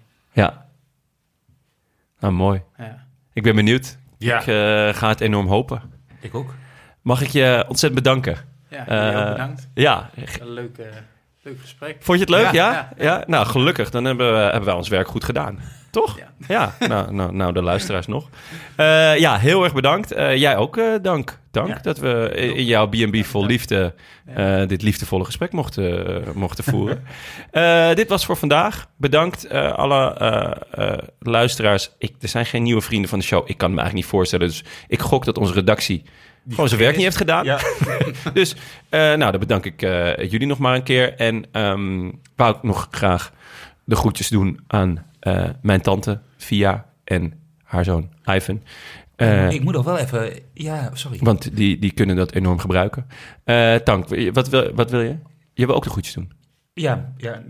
Ja, Eh, kom maar, Nee, kom ik heb nu iets onderbroken waar ik niet uit moet onderbreken. Nee, nee, nee. Ik, ik heb mijn goedjes gedaan. Dus het is Oké. veel liefst vanuit, vanuit hier. Eh, zeg het maar. Nee, ja, we, we hadden het eh, begin even over dat de Wilco volgende week nog een, eh, een serieuze training op het programma heeft staan. Oh De ja, 28ste. de 28ste. 28 december is dit. Ja. Derde kerstdag. Ja. Nee, ja, zesde. Vijfde. Vijfde. Is dat al vijfde kerstdag? Ja, dat is vijfde. Is zeven? Oh, nou ja, goed. Eh, Wil ik vanaf zijn? Een hele hoop kerstdagen? Kerstkilo's eraf vieren. Ja. Ja, ja, Wat, ja. wat dan? Wat gaat er gebeuren dan? Ja, dan is de, de, de, de Extreme, dus hier eh, de grenspalen, klassieke Extreme, Unfinished Limburg, After Christmas Edition. Oké. Finish the year with a long, long ride. En, wa- en waarom is het in het Engels? Dat klinkt mooi. Misschien, misschien, is, misschien is er wel een buitenlandse luisteraar die denkt van... Ik heb van de hele podcast niks verstaan, maar dit begrijp ik. Maar Grenspalen klassieker, de extreme... De, extreme editie. Ja, wat, en hoe, wat is extreem? Is het, is het dan met mensen die op je jagen? Of eh, allemaal eh, vallen die zijn uitgezet? Of eh, dieren die je aanvallen? Of hoe werkt het? Waarom is hij extreem? Ja, het is, omdat hij gewoon belachelijk lang is. Ah, Ah, oké, nou vooruit. Ja, belachelijk valt ook wel. Is, Hoe lang is die? Het is, nee, het is een lekkere klassieke afstand. 230 kilometer. 230 Dat is kilometer. ongeveer van Amsterdam naar hier en dan weer nog een stukje terug. Wow. Maar- Ik vond het met de auto al een hel om hier te komen. En dan eh, En dan nog in de modder. En in de modder. Ja, gravel. Maar ik heb wel alle... Gravel Ik heb ook wel, nog. ja, je hebt, je, we hebben de wegeditie. Maar dat is voor eh, wegeditie en de gravel-editie. Moet ik wel zeggen, ik heb wel alle echte modderpaden waar je momenteel niet doorheen komt. En er zijn er veel. Heb je allemaal aangestipt? Die gaan we allemaal doen. Nee, die heb ik er allemaal uitgehaald. Oké. Dus er, wel, er resteert zeg maar wel voorna- voornamelijk hele goede gravel. Maar ja, waarom, waarom gaan we die doen? Dat was een goede vraag trouwens. Ja, Eh, geen idee. ik stel alleen maar goede vragen. Omdat ik het nog nooit gedaan heb. Ja, maar wat goed. Op, Wat eh, leuk. En kunnen mensen zich nog inschrijven? Ja, ja, dat kan. Dat kan. Ja, dus, wie, ik bedoel, er zijn er niet veel die dat... eh, hoeveel, dus het valt toch mee hoeveel er nog eh, zo maf zijn om het... Zijn, ja? Hoeveel hoeveel aanmeldingen heb je? maffies. Eh, we zitten er op eh 70. Poh, 70 die, eh, die denken, nou, op, eh, in de regen op eh Ja. 28 december ga ik wel 230 kilometer rijden. Wauw, maar Ja. je kan dus nog meedoen. En waar, eh, welke website eh, moeten ze dan naartoe subs- eh, surfen? Grenspaleklassieker.nl of zoiets? Ja, daar, Kijk op ja, Instagram. Ja, of eh, kijk op de Instagram. Ja, kijk op- kijk op Instagram. We zullen wel een link. Ik merk dat je dit echt goed hebt voorbereid. Chapeau, dank. Hoe kan je nou de website niet weten? Ja, nee, gewoon www.grenspaleklassieker.nl. Oké. Ja, kom je er vanzelf En dan kunnen Maar- mensen maar zich ik- aanmelden. Ik bedoel, zoveel reclame wil ik eigenlijk ook niet maken. Het- Hoezo niet? Je bent toch... eh, je- dat mag, daar, daar zijn we voor. Maar er, zal er vast wel één luisteraar nu bij zitten. Ik weet niet wanneer komt dit voor. Nee, 28 december. Ja, zeker. Ja, ik ga hem dit weekend eh, editen. Ja? Ik, ja, geen kerst, voor, geen kerst voor mij. Nou, er zal, Ik er, ga wel, dit gewoon, er zal eh, echt wel één luisteraar zijn die na kerst zijn familie zo beu is... dat hij denkt, ik ga het de hele dag fietsen. ik kan me toch niet voorstellen dat dat niet Ja. gebeurt tijdens kerst. Dus ben jij die luisteraar die zo ontzettend klaar is met zijn familie? Eh, stuur dan een mailtje. Nee. en leg uit waarom. Dan kan je ook nog... eh, nee. Eh, ja, leuk. Ja. Of ik haat mijn familie.nl. Dat mag natuurlijk ook. Dan kom je er, word je ook doorgelinkt. Ehm, wil je ons ook steunen eh, of gewoon een berichtje sturen? Websurfsite dan naar deroodlantaarnpodcast.nl. Eh bij deze ook veel dank aan onze sponsors. Nederlands Loterij, La Machine. Check de merch, lamachine.cc. Eh ik heb het shirtje weer aan, zit goed. Eh NoordVPN natuurlijk. Bamigo. En natuurlijk onze heimat Het is Koers. Ehm, nou, en we zijn op zoek trouwens naar een nieuwe fiets van de show. Want Ridley Oh. is afgezwaaid. Dus, nou ja, fietsenmerken. Hè? Bel me eens op. Bel mij gewoon een keer op. Of stuur een mailtje. Dat is, eh, Nou, eh, ik ken wel fietsenmerken. jij kent een hoop fietsenmerken. Ja, ik- kan jij niet eventjes wat... eh, Wat, wat, wat, wat... eh, ja, we, we, we hebben gewoon- we hebben een nieuwe fiets van de show nodig natuurlijk. Dus, eh, nou ja, goed. Komt, komt wel. beetje off-topic, maar wat is er gebeurd met Ridley? Ja, die, eh, die zijn uit, uit het peloton. En eh, daarom zijn we ook... eh, Oh. ja, de, de- ja. Misschien zijn velootje. Cervelootje zou, helemaal, zou ik helemaal niet moeilijk over doen. Als Cervelo ons... eh, Of Van Rijssel. va- nou, de... Rijssel. Van de, Rijssel, ja. Van Rijssel. de eh, iedereen is lyrisch hè, over die Van Rijssel. Dus bij, eh, wat is het, Decathlon AG Dessert. Eh het is nog net, die, hij gaat nog net niet, niet in het Louvre, die fiets. Maar het scheelt niet veel, toch? Als ik, als ik de verhalen mag geloven. Van Rijssel is toch wel gewoon een lekkere naam. Zeker Ja. voor een Franse ploeg. Van Rijssel. Ja, ja, dat, ja, opvallend. Maar tot nu toe, de, de, degene die hem getest hadden, dat waren wel allemaal jongens die bij de ploeg reden. Die waren heel enthousiast. Dus eh, die, die zeiden van dit is echt de beste fiets waar we ooit hebben gereden. ooit op gereden, ja. Ja, maar heb je... Ik bedoel, dat is toch, dat heb je toch altijd als je dan een nieuwe fiets krijgt... dat je altijd denkt, oh, maar dit is echt een hele goede fiets. Ja, ja. En vervolgens ga je geen... Behalve toen we overgingen van jij naar Bianchi. Oh, dat was even een minder. Dat was even, was even de mindere periode. Met, name de tijdritfiets. Nu waren, Ja, nu waren de tijdritcapaciteiten maar allemaal met 20% toe- teruggeschroefd. ja, die liepen gewoon aan, toch? Ja, Vooral, vooral voor de sprinters was het volgens mij een hel. ja.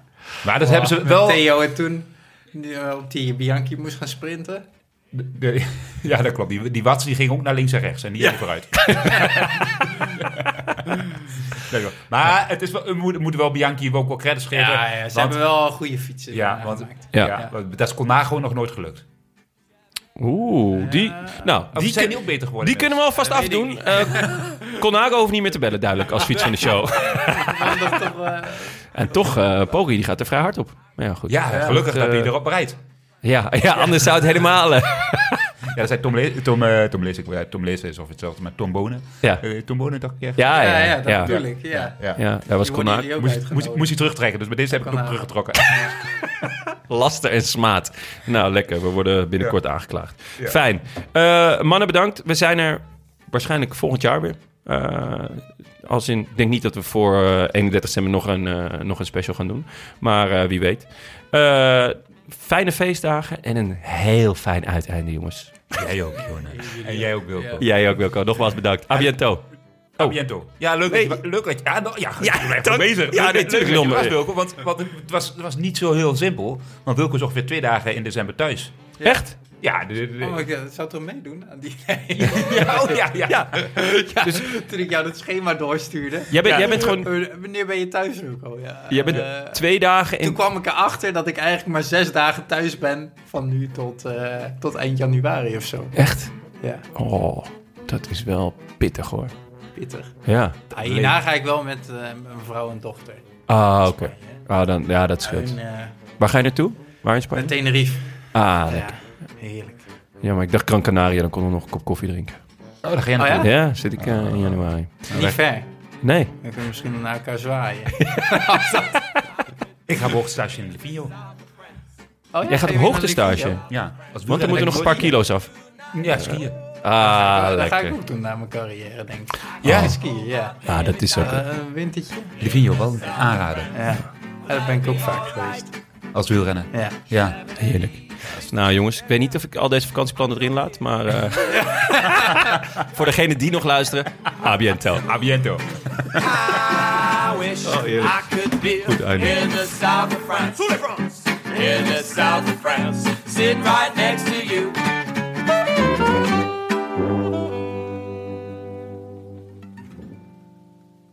Het is vrijdag 22 december 2023 en live vanuit Casa di Tankink is dit de Rode Lantaarn. Schitterend weer. Ik dacht, dat je, ik dacht je een beetje reclame, kleine gericht. Oh ja, dat had ook gekund. Ja, Ja, ja, als, je ooit, als je ooit die B&B vol wil hebben, vol liefde, Ja, voorlopig willen we dat nog niet. ga je wel aan het programma meedoen. Dat B&B vol liefde. Het schijnt echt een wereldhit te zijn. Ja? Ja, ik weet niet of jullie nog geen liefde Ik nodig, ik- toch? Vol spanning. Nee, ehm, laten we eerst gaan verbouwen en kijken hoeveel liefde dan nog over is. Oh, misschien ben je dan juist wel weer op zoek naar een nieuwe liefde.